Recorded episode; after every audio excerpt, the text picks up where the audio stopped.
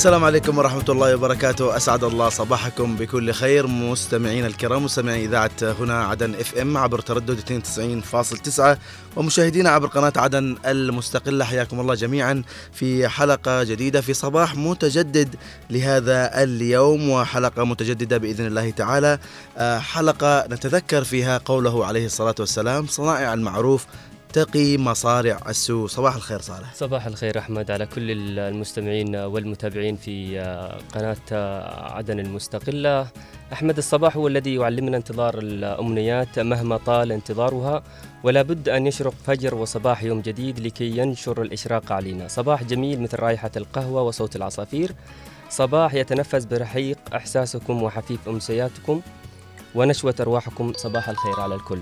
يا سلام صالح. يعطيك العافية صالح وكذلك لا ننسى أن نرحب بالطاقم الجميل اللي معنا من الصباح البكر من الإخراج الهندسة الصوتية نوار المدني صباح الخير يا نوار. ومن الإخراج التلفزيوني أحمد محفوظ وكذلك من قسم البلاي أوت الزميل محمد باوزير. يعطيكم العافية الزملاء الأعزاء وصباح الخير. طبعا مستمعين الكرام أيضا نتذكر قوله عليه الصلاة والسلام صنائع المعروف تقي مصارع السوء وصدقة السر تطفئ غضب الرب وصلة الرحم تزيد في العمر. نتذكر هذه الأعمال الطيبة والخيرة التي حثنا عليها النبي عليه الصلاة والسلام خصوصا مع هذه الأوضاع التي نعيشها نحتاج إلى تكافل اجتماعي كبير والاصطفاف مع بعض. صالح مرة ثانية صباح الخير. اليوم يعني من المواقف الإيجابية اللي شفتها رغم أن تأذيت وتضررت يعني. يعني شفت ال ال يعني فريق الرش اللي يقوم بالرش عشان مكافحة البعوض وغيرها. وهذه صراحة من الأمور اللي ربما في فترة من الفترات إحنا كنا صغار. طبعا كنا نجري خلف السيارة اللي ترش. آه طبعا الموضوع فيه ضرر علينا يعني كنا نجري جنب الدخان لكن آه كانت شقاوة الطفولة طبعا. لكن اليوم من المواقف الإيجابية اللي شفتها إنه لا زالت حملات الرش مستمرة وكل التوفيق يعني للقائمين على هذه الحملات والجهات المختصة اللي يحاولوا قدر المستطاع يعني الحد من انتشار الأمراض الأوبئة خصوصا إنه في أمراض منتشرة هذه الأيام كالحميات والفيروسات بسبب أيضا الأجواء صالح. نعم آه طبعا أحمد آه مهما كانت هناك كثير من الأشياء اللي ممكن ما نحبهاش إلا إنه في أشياء كمان موجودة صحيح. حلوة وجميلة آه دي المواقف آه زي ما تقول يا أحمد إنها بت بتعزز فينا النظره للحياة.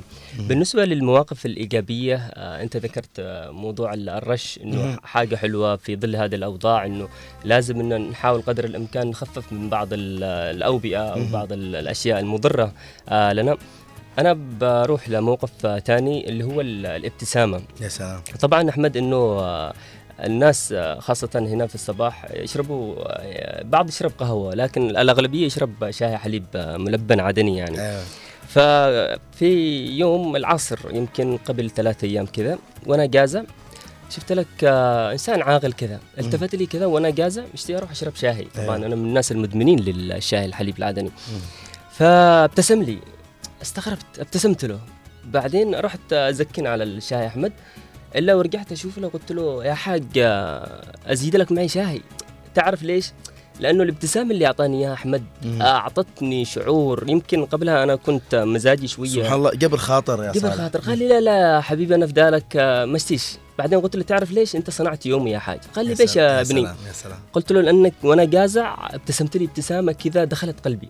يا سلام. سبحان الله بالفعل. ده الشيء الحلو الجميل في عدن يعني. آه. الناس تبتسم. بعض ونتمنى الناس تزيد من الابتسامة لبعض أكيد. مهما بعض الأمور وبعض الأوضاع وكذا لكن نحاول قدر الإمكان أن نبتسم لبعض و وندخل السرور ونجبر قلوب بعض. صحيح صالح آه ولا ننسى أن النبي عليه الصلاة والسلام قال تبسمك في وجه أخيك آه المسلم صدقة. ونحتاج اليوم إلى آه كمية كمية كبيرة من هذه الصدقات اللي نحن اليوم صراحة جبر خاطر بالفعل. يعني أحيانا ابتسامة تغير يومك أحيانا صحيح. تكون في موقف غضب ابتسامة تمتص غضبك ابتسامة تغير كثير.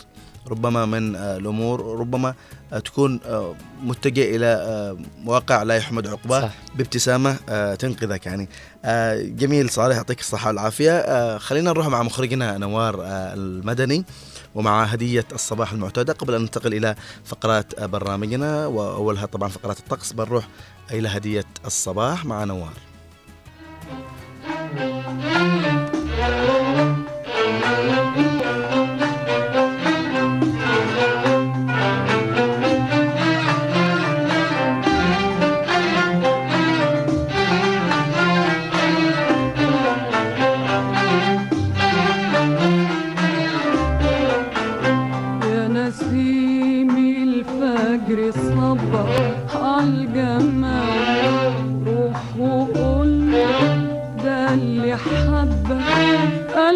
الرمان يا نسيم الفجر الصبا عالجمال روح وقول ده اللي حبك قلبه مال روح وقول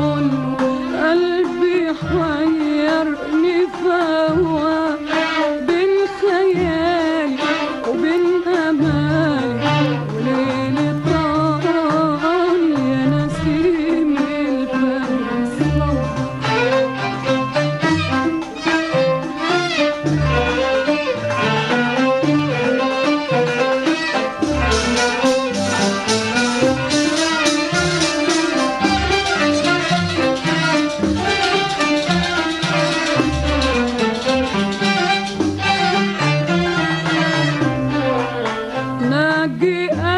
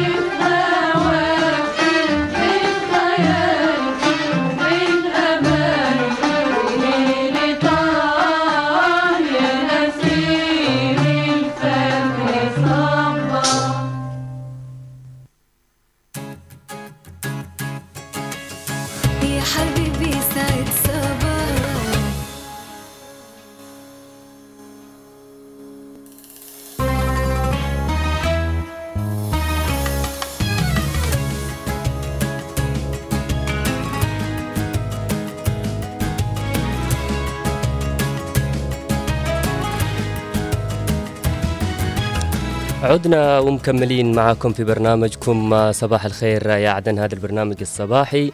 وكما سمعنا هذا الفاصل الغنائي يا نسيم الفجر صبح على الجمال. آه، أحمد الأجواء هذه الأيام حلوة صراحة.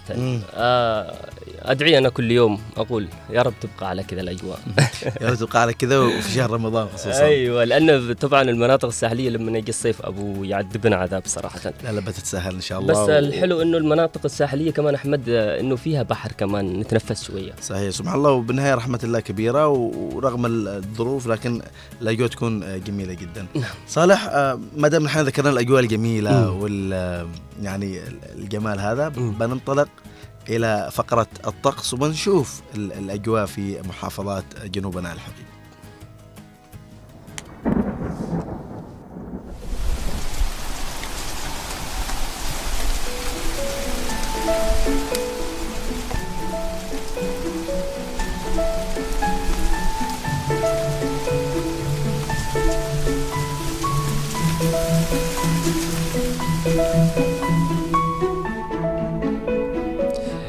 مستمعينا نذهب الآن إلى فقرة الطقس ونطلعكم على أهم الأجواء والأجواء التي هي موجودة في مناطقنا ونذهب الآن إلى محافظة لحج.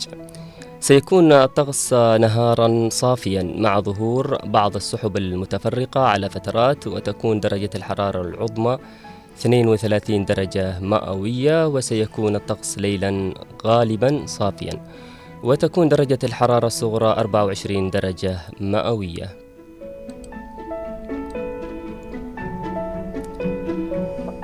وفي محافظة أبين سيكون الطقس نهارا صافيا مع ظهور بعض السحب المتفرقة على فترات وتكون درجة الحرارة العظمى 30 درجة مئوية وهي مشابهة ليوم أمس.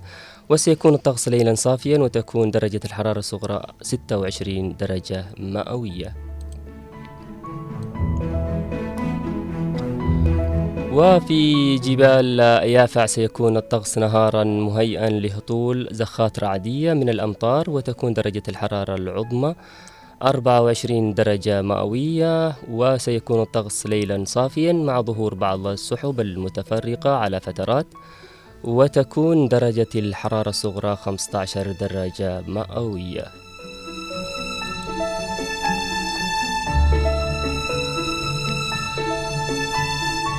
وفي شبوة سيكون الطقس نهارا مهيئا لهطول زخات رعدية من الأمطار وتكون درجة الحرارة العظمى 29 درجة. وسيكون الطقس ليلا غائما جزئيا وتكون درجة الحرارة الصغرى 20 درجة مئوية.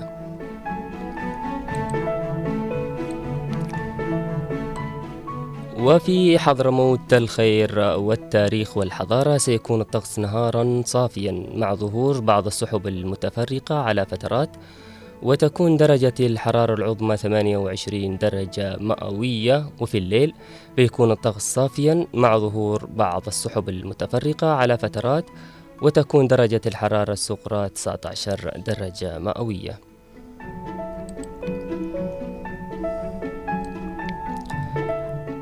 أما في الضالع نهارا سيكون الطقس غائما مع هطول زخات رعدية من الأمطار وتكون درجة الحرارة العظمى 23 درجة مئوية. وبيكون الطقس ليلا صافيا مع ظهور بعض السحب المتفرقة على فترات وتكون درجة الحرارة الصغرى 14 درجة مئوية.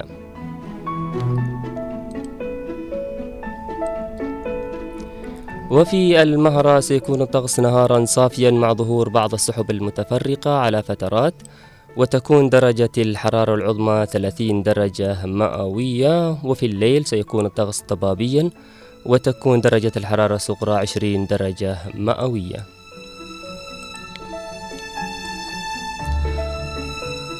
وفي جزيرتنا الخلابة جزيرة سقطرى سيكون الطقس نهارا صافيا مع ظهور بعض السحب المتفرقة على فترات وتكون درجة الحرارة العظمى 29 درجة مئوية وسيكون الطقس ليلا صافيا مع ظهور بعض السحب المتفرقة على فترات وتكون درجة الحرارة الصغرى 19 درجة مئوية.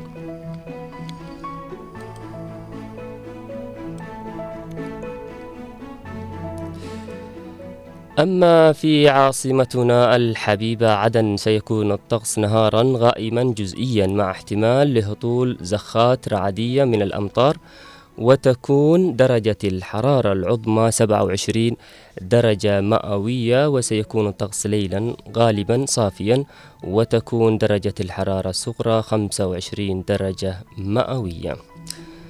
أحمد أحمد آه، طلعنا المستمعين على ال- الأجواء وحوال الطقس في المحافظات وفي المناطق صحيح بعض المناطق آه، هناك. لربما يحصل زخات مطر نعم. عادية لازالت أتمناها إن محتف- شاء الله آه، بإذن الله زخات خير يعني مش آمين يا رب لا زالت مم. محتفظة بعض المحافظات طبعا مم. بالأجواء الجميلة وزخات المطر اللي والله لما تشوف صور أحيانا بعض الشباب اللي نعرفهم أو. الأصدقاء أو بعض الأهالي اللي آه يعني أهالينا اللي في بعض المناطق. آه يعني لما نشوف الصور نتمنى نكون موجودين في بعض المناطق أثناء المطر صراحة. صح. يعني الأجواء أكيد. اللي تكون موجودة. فسبحان الله يعني آه ربنا إن شاء الله آه يعني يجعلها آه أمطار خير وبركة ويديم الأجواء الجميلة هذه. إن شاء الله يا رب. وأعتقد أنه الآن بنروح إلى فقرة حدث في مثل هذا اليوم مع نوار.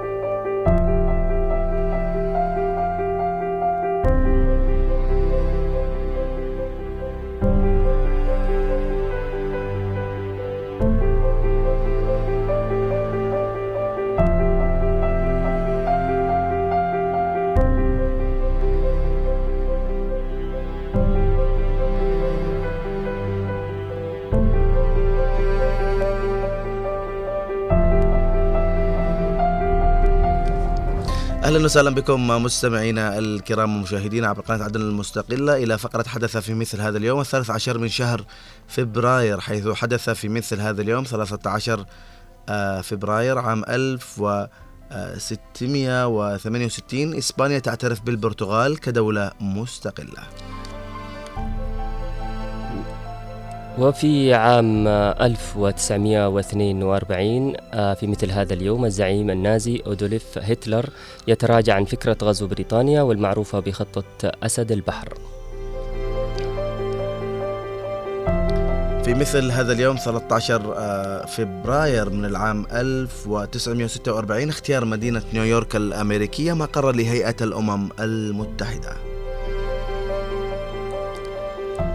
وفي مثل هذا اليوم من العام 1991 قصف ملجأ العامرية في بغداد مما أدى إلى مقتل 408 شخص.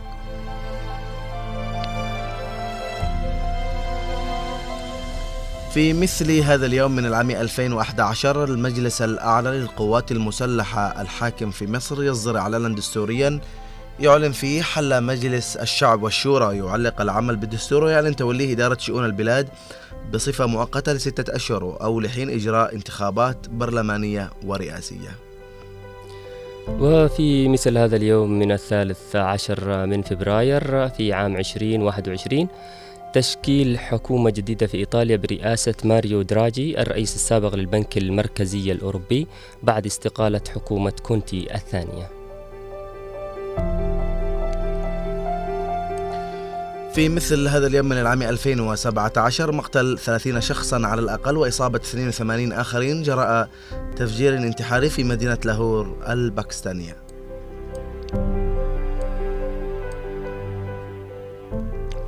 وفي عام 2022 في مثل هذا اليوم الجمعية الاتحادية الألمانية تعيد انتخاب الرئيس فرانك فالتر شتاين شتاينماير لفترة رئاسية ثانية مدتها خمسة سنوات.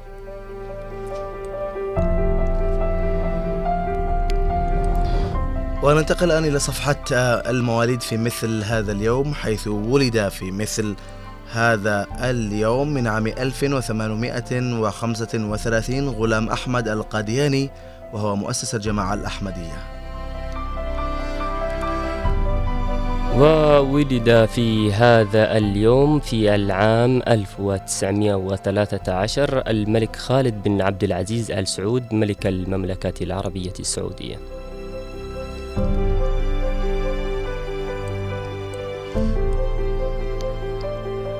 ولد في مثل هذا اليوم آه، الثالث عشر من شهر آه، فبراير طبعا في عام 1956 المخرج آه، السوري بسام الملا. طبعا مخرج باب الحارة المعروف.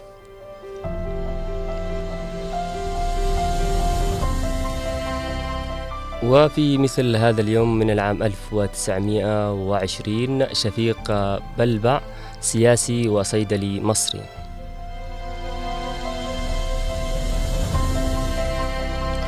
أيضا في مثل هذا اليوم من عام 1956 ولدت عالية بنت الحسين ابنة ملك الأردن الحسين بن طلال. وفي مثل هذا اليوم من العام 1968 ولدت الفنانة الإماراتية أحلام الشامسي.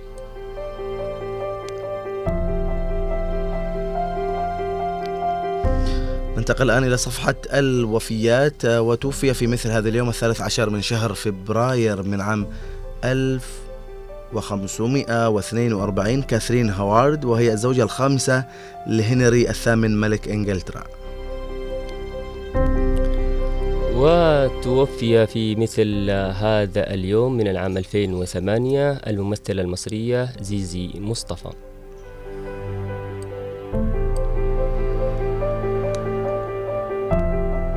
أيضا في مثل هذا اليوم في عام 2017 توفي كيم جونغ نام الأخ غير الشقيق للرئيس الكوري الشمالي كيم جونغ أون. وفي مثل هذا اليوم في عام 2015 آه، توفيت آمال الزهاوي شاعرة عراقية.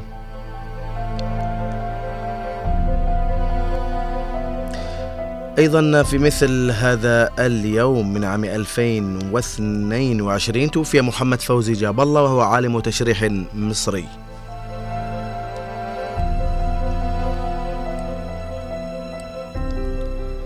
وفي أعياد ومناسبات في مثل هذا اليوم هو يوم سرقة البنك نسبة إلى جيسي جيمس الذي نجح في سرقة بنك عام 1866 للمرة الأولى في العالم.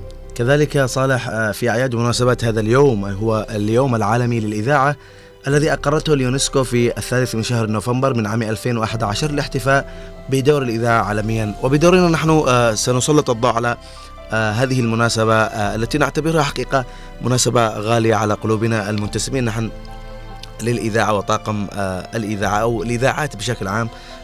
سيكون موضوعنا في الفقرة أو في الساعة الثانية بإذن الله تعالى. اليوم العالمي للإذاعة الذي أقرته اليونسكو مثلما تحدثنا في الثالث من نوفمبر عام 2011 إن شاء الله نكون معكم في هذه الساعة وفي هذا الموضوع. إن شاء الله تكونوا متواصلين معنا وبنفتح خطوط الهاتف. الهاتف وبتواصلونا عبر أرقام آه، الواتساب وصفحة الفيسبوك بإذن الله تعالى. ونقول أحمد لكل المذيعين وكل الإذاعات كل عام وأنتم بخير وفي تقدم وازدهار. بإذن الله كل التوفيق لكل آه، الزملاء في كل آه، الإذاعات في العالم. وإن شاء الله آه، توصلوا رسالة آه، جميلة وإيجابية ورسالة تصحيح لما آه، يعني تقومون آه، به من ايصال آه، رسائل سواء لصناع القرار أو آه، لتوعيه آه، المواطنين. صالح آه، كملنا فقره الطقس وفقره حدث في مثل هذا اليوم ننتقل إلى فقره حل والاخبار. يا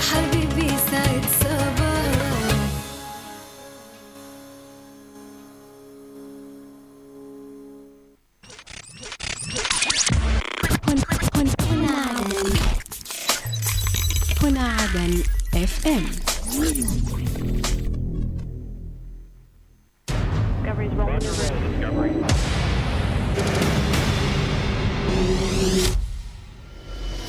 نقرأ ما تتناوله الصحافة والمواقع الإخبارية المحلية والعربية من أخبار ومقالات سياسية واجتماعية وثقافية ورياضية.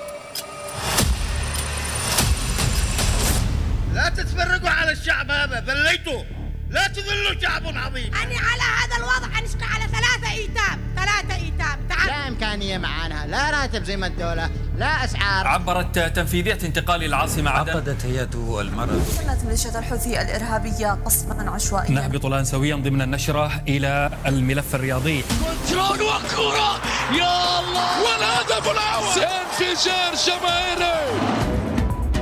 نواكب فيها كل المستجدات وننقلها لكم في برنامج زاوية الصحافة.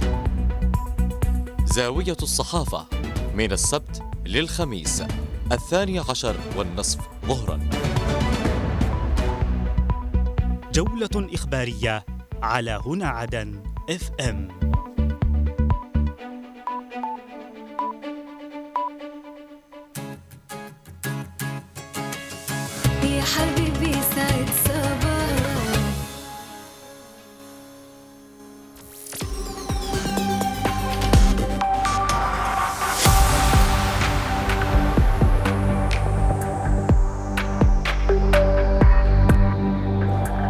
حياكم الله مستمعينا الكرام من جديد وبعد أن ذهبنا إلى هذا الفاصل القصير وتعرفنا على الفقرات السابقة نبدأ الآن فقرة حلو الأخبار ونبدأها من آه، موقع المجلس الانتقالي الجنوبي وفيه السقاف يتفقد مستوى إنجاز مشروع إعادة تأهيل ساحة العروض. البحسني ينوه بدور الأجهزة القضائية في حضرموت تحقيق العدالة وتطبيق النظام والقانون.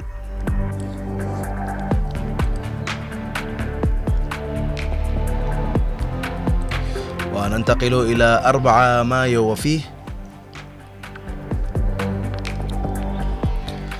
تكريم 33 معلما ومعلمة بالمهرة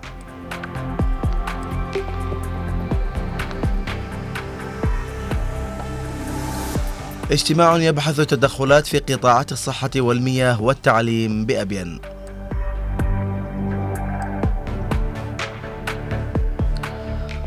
وزير الزراعة يتفقد هيئة مصائد خليج عدن.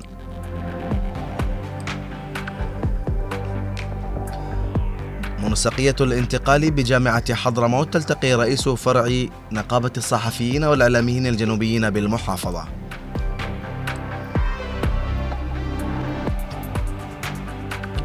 رئيس انتقال صيرة يبحث مع المدير العام للمتاحف والآثار آلية الحفاظ على المعالم التاريخية بالمديرية.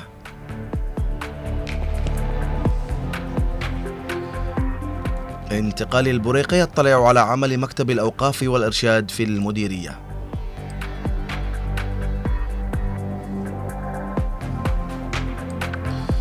الرئيس الزبيدي يلتقي رئيس فرع دائرة الشرق الأوسط وشمال إفريقيا في وزارة الخارجية الروسية.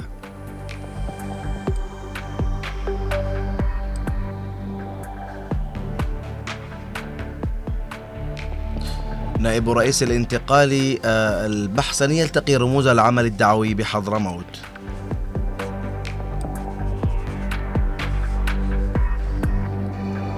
وافتتاح مبنيين في إدارة أمن عدن بتمويل إماراتي.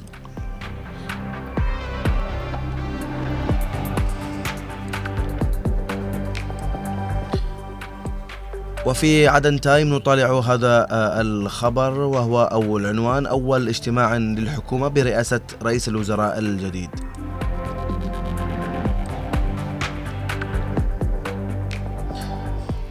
أما في عدن 24 نطالع مأمور مديرية الضالع يلتقي بالمدير الإقليمي لمنظمة أدرا بالجنوب.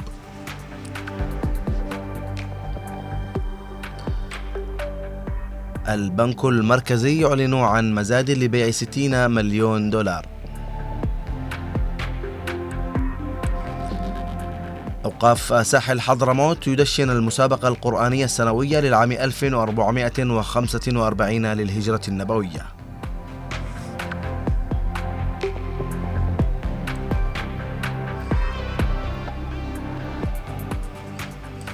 وننتقل إلى درع الجنوب الموقع الرسمي للقوات المسلحة الجنوبية وفيه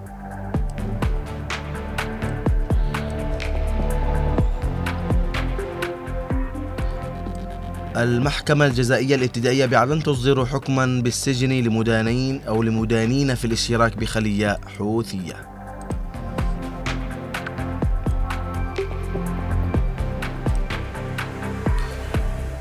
الرئيس الزبيدي يلتقي رئيس دائرة الشرق الأوسط وشمال إفريقيا في وزارة خارجية روسيا الاتحادية.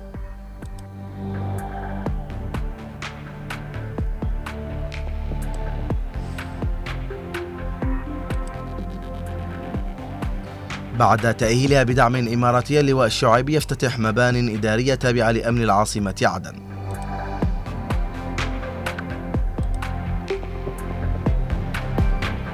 والعميد المنهالي يطلع على سير العمل بالهجرة والجوازات في ميناء المكلا ومطار الريان.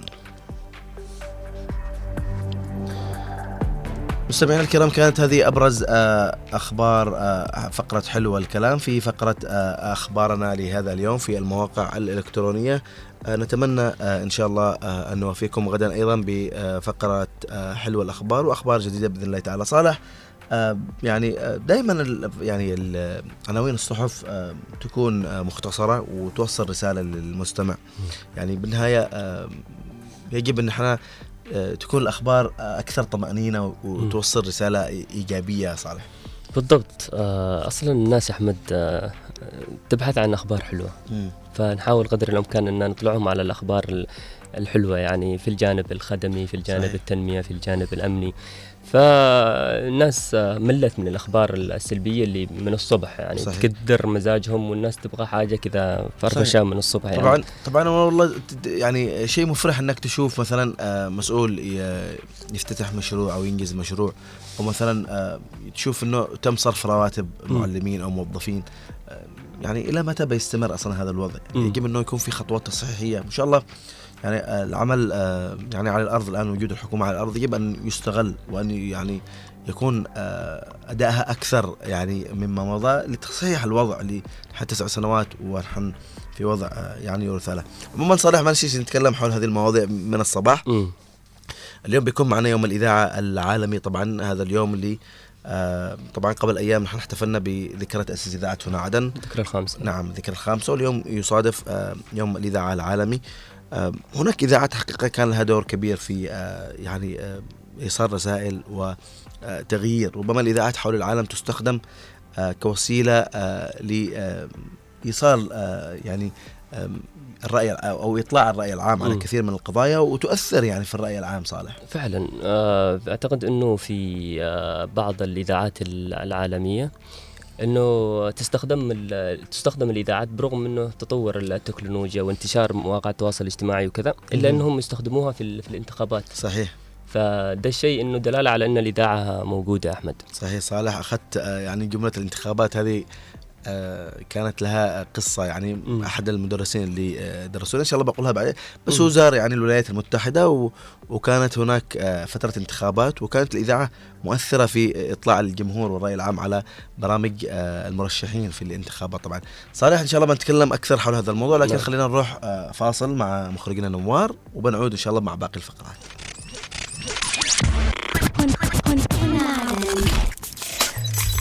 هنا عدن. اف ام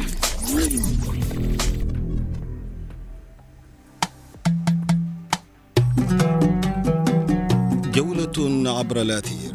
فسحة أثيرية في ساعة من الزمن. نسافر بكم فيها عبر أثير إذاعة هنا عدن. جولة عبر الأثير. مساحة سياحية ثقافية واجتماعية. ما علينا يا حبيبي ما علينا. وعز الناس وقربوا إلى قلبي. يا باهي الجبين.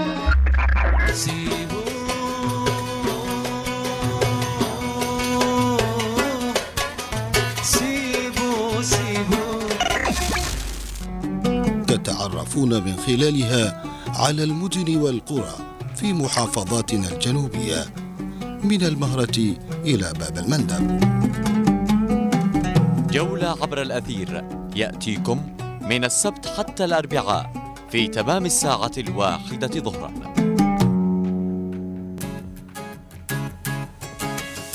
يا حبيبي سعد سعد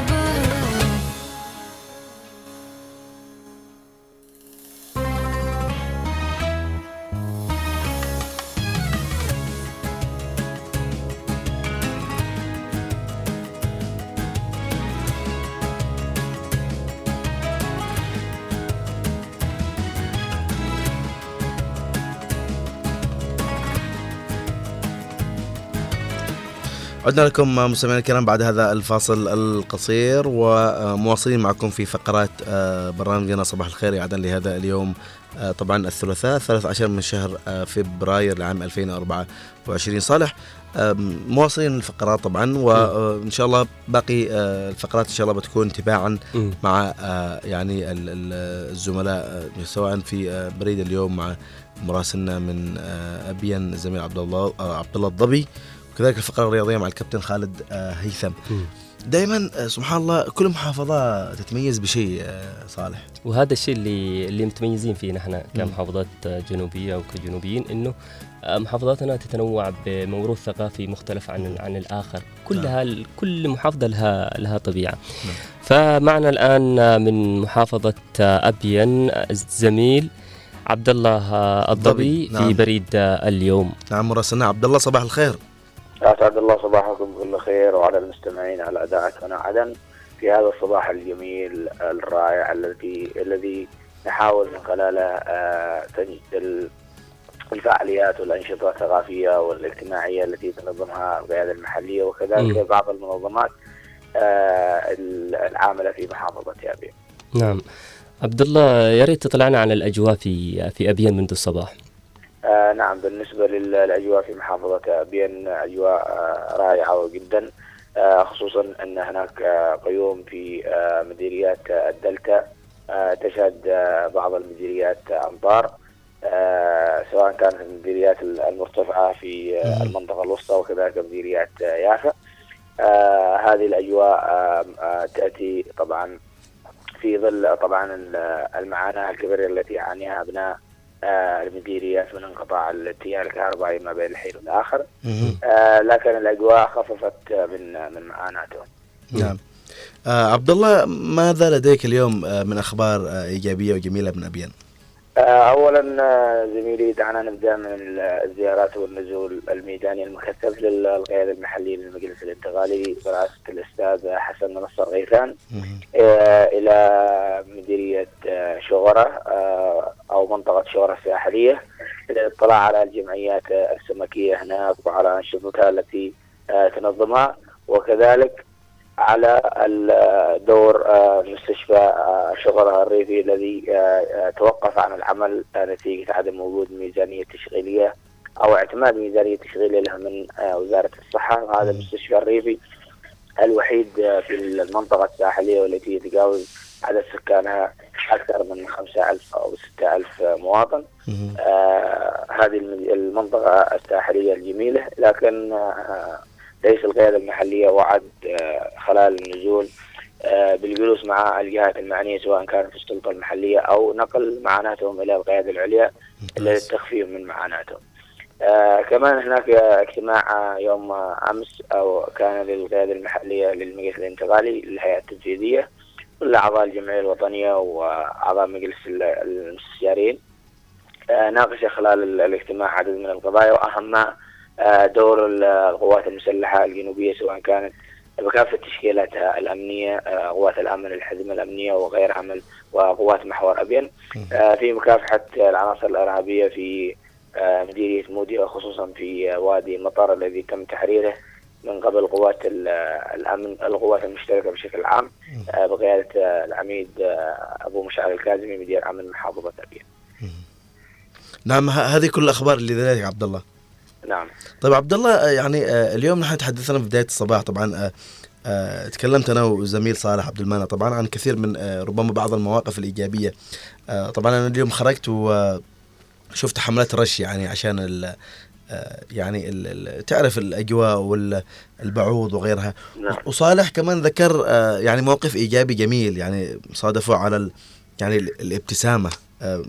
هل لديك موقف مثلا تعرضت له يعني ابتسامة غيرت حالك آه، آه، كانت يعني كان كنت رايح مثلا لمكان آه، بتضارب فيه ولا شيء وابتسامة خلتك ترجع عن هذا الموقف؟ آه نعم بالنسبة لل- للمواقف المواقف كثيرة جدا تحصل معنا في خلال آه، مشوار العمل من الصباح الباكر إلى انتهاء إلى المساء. هناك المواقف آه، تحصل سواء كانت مواقف آه، مضحكة أو مواقف آه، محزنة. لكن هذه المواقف طبعا تغير من حال ال- من حالك كشخص حين تأتي إلى شخص آخر وأنت في حالة تعصب منه أو زعلان. لكن عندما يبتسم في وجهك خلاص تبدأ أنت تهدى وتبدأ تتعامل معه بالشكل الأفضل. نعم صحيح عبد, بالفعل. عبد الله آه، بالنسبة لليوم العالمي للإذاعة يعني هل ما زالت الإذاعة بالنسبة لك يعني هي قناة آه، تواصلية آه، تهتم إنك آه، تكون متصل فيها دائما؟ آه نعم بالنسبة لليوم أولا آه، نهني آه باليوم العالمي لل- للإذاعة جميع الصحفيين والإعلاميين وخصوصا قطاع الإذاعة والتلفزيون قطاع الإذاعة والتلفزيون ال- الجنوبي. آه نهنيكم أنتم في إذاعة هنا. عدن طبعا هذه الإذاعة الجميلة. آه صوت آه شعب الجنوب. آه لا زال نعم بالنسبة لنا أو لي بالنسبة لكافة أبناء الوطن تجد الكثير خصوصا الفئات العمرية الكبيرة. تجد الكثير لا زال آه، يتابع ال- الإذاعة ويستمع للإذاعة ومحب للإذاعة. آه، فالإذاعة شيء جميل جدا. آه، لا زال آه، لا زالت الإذاعة آه، متواصلة معنا في كل آه، أوقاتنا حتى وأنت في خط سير في آه، سيارة خاصة. تقوم بفتح الإذاعة لتسمع الأخبار وتس- وتسمع المستجدات وآخر ما يتم تناوله في الإذاعة. فالإذاعة طبعا شيء جميل ونتمنى أن يتم تطوير الجانب الإذاعي بشكل أفضل ويكون هناك برامج متنوعة يستمع إليها المواطن. نعم بإذن الله تعالى. يعطيك الصحة والعافية عبد الله. آه إن شاء الله آه أيضا نحن بدورنا نهنيك يعني مراسلنا ونهني كل المنتسبين للإذاعات آه ونقول لهم كل سنة وأنتم طيبين. نعم كل سنة وأنتم طيبين وعافية شكرا لك زميلنا عبد الله الضبي من أبين. يعطيك الصحة والعافية على كل الرسائل اللي وجهتها لنا من آه، أخبار محافظة أبين. شكرا لك. شكرا لكم صالح يعني آه، حصيلة طيبة من آه، محافظة أبين. لكن جميل يعني النزول يعني يعني عمل القيادة المحلية للمجلس الانتقالي الجنوبي على في محافظة الجنوب طبعا وعملها على الأرض لأنه يعني ملامسة هموم الناس. وهذا ما دعا يعني ما دعا له الرئيس القائد عيدروس الزبيدي في أكثر من لقاء في محافظات الجنوب عندما زار محافظة أبين ولحج وعدن والضالع أيضا آه، قبل أشهر يعني. أو شهرين تقريبا في هذه الحدود تقريبا. إنه دعا القيادات المحلية إلى تلمس هموم الناس وتلمس المعاناة. وجميل أن تقوم آه، قيادة آه، آه، يعني آه، انتقالي ابين آه، بقيادة طبعا الأستاذ حسن غيثان يعني آه، يعني آه، شقره وزيارة الجمعيات السمكية وأيضا مستشفى شقره الريفي اللي مثل ما قال طبعا شقره مم. فيها آه، عدد من السكان تقريبا ما- يقارب خمسة ألف آه، مواطن آه، بيخدمهم هذا المستشفى. وهناك إهمال من قبل وزارة الصحة ربما فيها للمستشفى. إن شاء الله بجهود الخيرين. ونتمنى حقيقة من وزارة الصحة أن تهتم أيضا بهذا المستشفى وكل الجهات المسؤولة. أن آه، يكون لها دور في النهوض آه، بمستشفى الشقراء الريفي وكل آه، المستشفيات طبعا أنها بالنهاية تقدم خدمة للمواطن. طبعا آه، أحمد ابين أعتقد أنها من المحافظات اللي بتعاني كثير من الخدمات و- ونحن نوصل صوتنا أنه لابد من لفت النظر إلى خدمات ابين والاهتمام فيها وتطويرها، الخبر هذا بالنسبة لي إيجابي جدا يا أحمد وحلو. مستشفى آه، مستشفى اسمه آه، شقره شقرة ال- الريفي. الريفي. هذا المستشفى أعتقد إنها شقرة من ال... تحيط بها مناطق كثيرة هو ريفية. شقرة هي شقرة تعتبر خط دولي يعني دولي ساحلي. وملتقى لل... مم. للمناطق. المجاورة لها لا تنسى إنه أبيان ظلمت يعني في فترة من الفترات والحروب وحرب القاعده وغيرها صح تخيل يا أحمد إنه لما الواحد آه، يسعف مريضه من شقرة إلى عدن ويعني في مثلا حاجة بسيطة بس صحيح. كانت تحتاج إمكانيات بسيطة جدا فصراحه نتمنى إلى تكثيف ال- الجهود والاهتمام بهذه الخدمات خاصة في الجانب الطبي أحمد. بإذن الله. يعطيك العافية صالح. آه، يعني إن شاء الله آه، توصل الرسالة. طبعا آه، بعدين كان معنا عبد الله الضبي مراسلنا وزميلنا من أبين. خلونا نروح لفقرة الرياضة مع الكابتن خالد هيثم. صباح الخير كابتن. صباح الخير حماد صباح الخير صالح آه، مف... آه، من... آه، نوار المدني أحمد محفوظ الاحبه في ونحدة الله يحفظك كابتن. اولا كل عام وأنت بخير. طبعا اليوم يصادف يوم الإذاعة العالمي اللي أقرته اليونسكو. طبعا كل عام وأنت بخير بمناسبة اليوم العالمي للإذاعة. وأنتم بخير ومتألقين دائما باتجاه تعالى باذن الله تعالى في في ركبة الأمنيات العامة والخاصة باذن الله تعالى. بإذن الله. اذا ننطلق مع الكابتن إلى الفقرة الرياضية.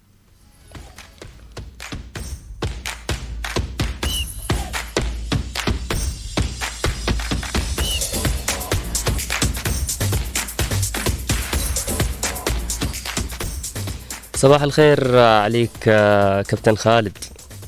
صباح الخير صالح. الله يعطيك العافية. هذه أعتقد الآن خلاص بتتخصص الفقرة لي ولك يعني. خلاص خاصة فيني ها؟ خلاص أنا يعني كلكم متاحة جمال بالنسبة لي أنت وأحمد وغيث كل الاحبه يعني. الله يعطيك العافية.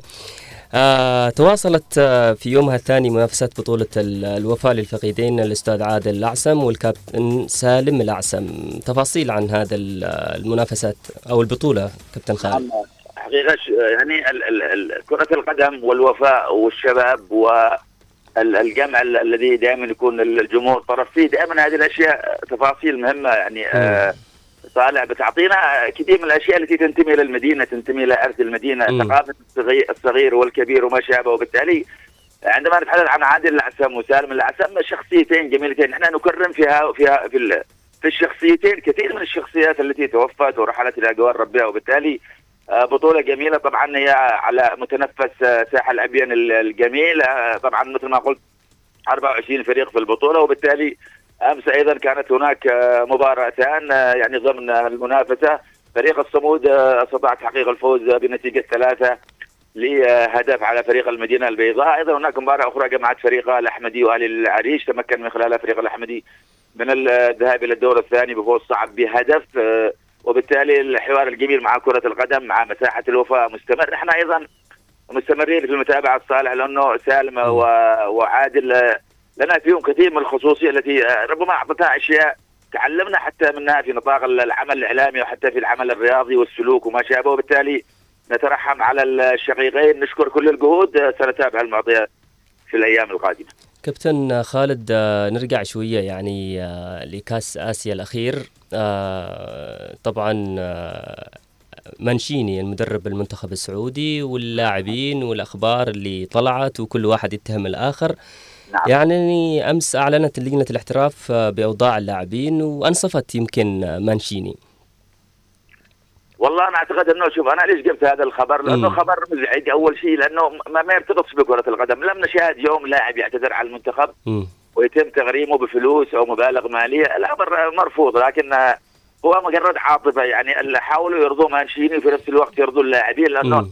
اللاعب الذي يرفض يذهب إلى إلى أن يرتدي ألوان بلده خلاص هذا يقادر المشهد إما. يوقف أو حاجة زي كذا لكن م- مسألة إنه لجنة الاحتراف تتخذ قرارات مثلا آه بعد أن استبعد كان مانشيني ستة لاعبين التقييم كان ب 200 ألف آه لسلمان ال- الغنام أيضا 100 ألف آه سلمان الفرج أيضا حارس المرمى بتغريمه أيضا 300 ألف آه مع خمسة أشهر يعني أشياء صالح لا يقبلها المنطق لماذا؟ مم.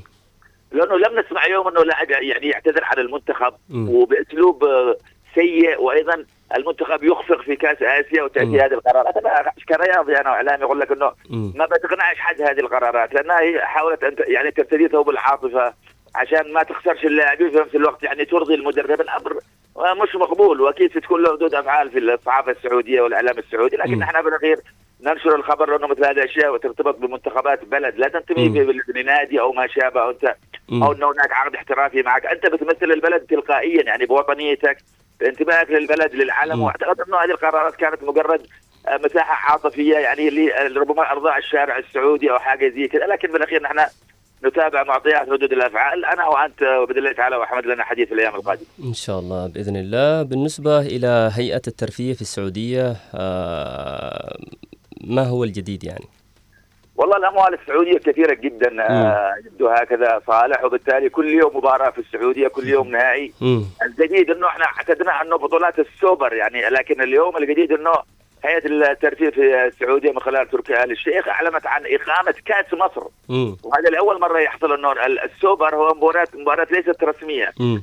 لكن البطولات الكأس والدوري تنتمي للبلد إلى الاتحاد إلى ال- ال- الدولة بشكل عام وبالتالي اليوم. حتى كأس مصر آه، تركي بن شيخ ياتيبه إلى السعودية. هناك مباراة حدد لها أكيد في شهر 8 مارس طبعا آه، على بعد تقريبا آه، شهر وأقل. وبالتالي سنشاهد الزمالك والأهلي. طبعا غريمي الكرة المصرية الفريقين العربيين الكبيرين في في أفريقيا أيضا سنشاهدهم أيضا على ملعب هناك في ملعب ملعب الأول بارك في المملكة العربية السعودية في الرياض.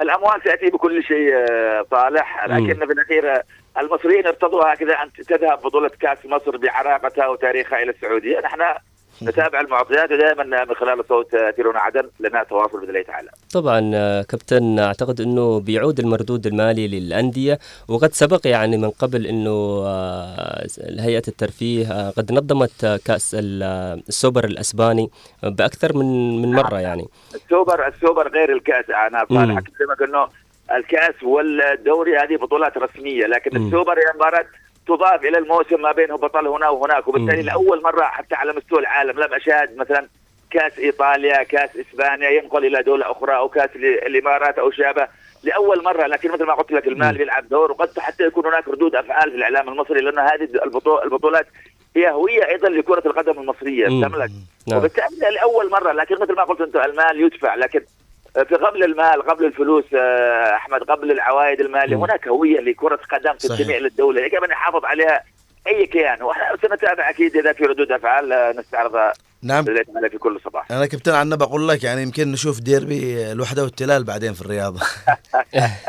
حبيبي يا احمد حبيبي آه، حبيبي كابتن خالد أعتقد إنه السيدة العجوز لا تستحق السقوط يعني كفاية يعني قدها عجوز ما ت...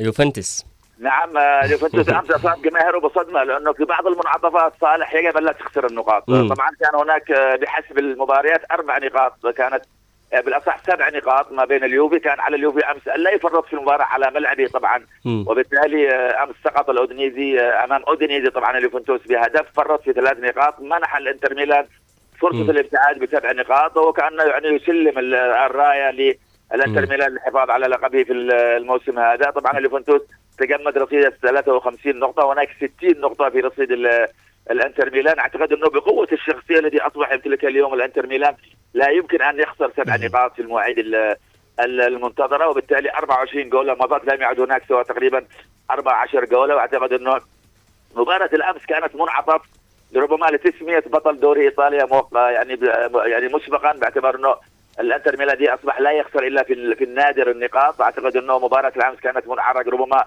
لترك الص- الصدارة والبطولة للانتر ميلان ربما هناك صراع آخر سيكون على المركز الثاني ما بين ربما اليوفنتوس وميلان. آه، نحن أكيد لنا كثير من التفاصيل والمعطيات آه، في حديث كل صباح في صباح الخير يا عدم آه كابتن خالد آه، بالنسبة إلى نادي ليفربول الإنجليزي أعلن عودة آه النجم أو الملك المصري محمد آه صلاح بعد إصابة طويلة محمد صلاح يمكن في بطولة أفريقيا كابتن خالد تعرض إلى هجوم كبير جدا من نعم. الإعلام ومن الشعب ال- المصري فاتضح أنه ال- الإصابة كانت جدا مؤلمة لل- للاعب يعني مش بسيطة الإعلام المصري دائما فيه اتجاهين فيه مساحه أحيانا مم. لا يقبلها الإعلام وهي ال- ال- الحديث من بوابة الشخصية البعض. النجوم الذين يتبوؤون مواقع إعلامية في القنوات ال- المصرية يضربون. الأخلاق أحيانا يضربون الأخلاق على حساب القيمة والشخصية. ليس لمحمد صلاح ولكن لمصر باعتبار انه محمد صلاح لا يمثل نفسه مم. هو ابن مصر الجميلة. وبالتالي أعتقد انه محمد صلاح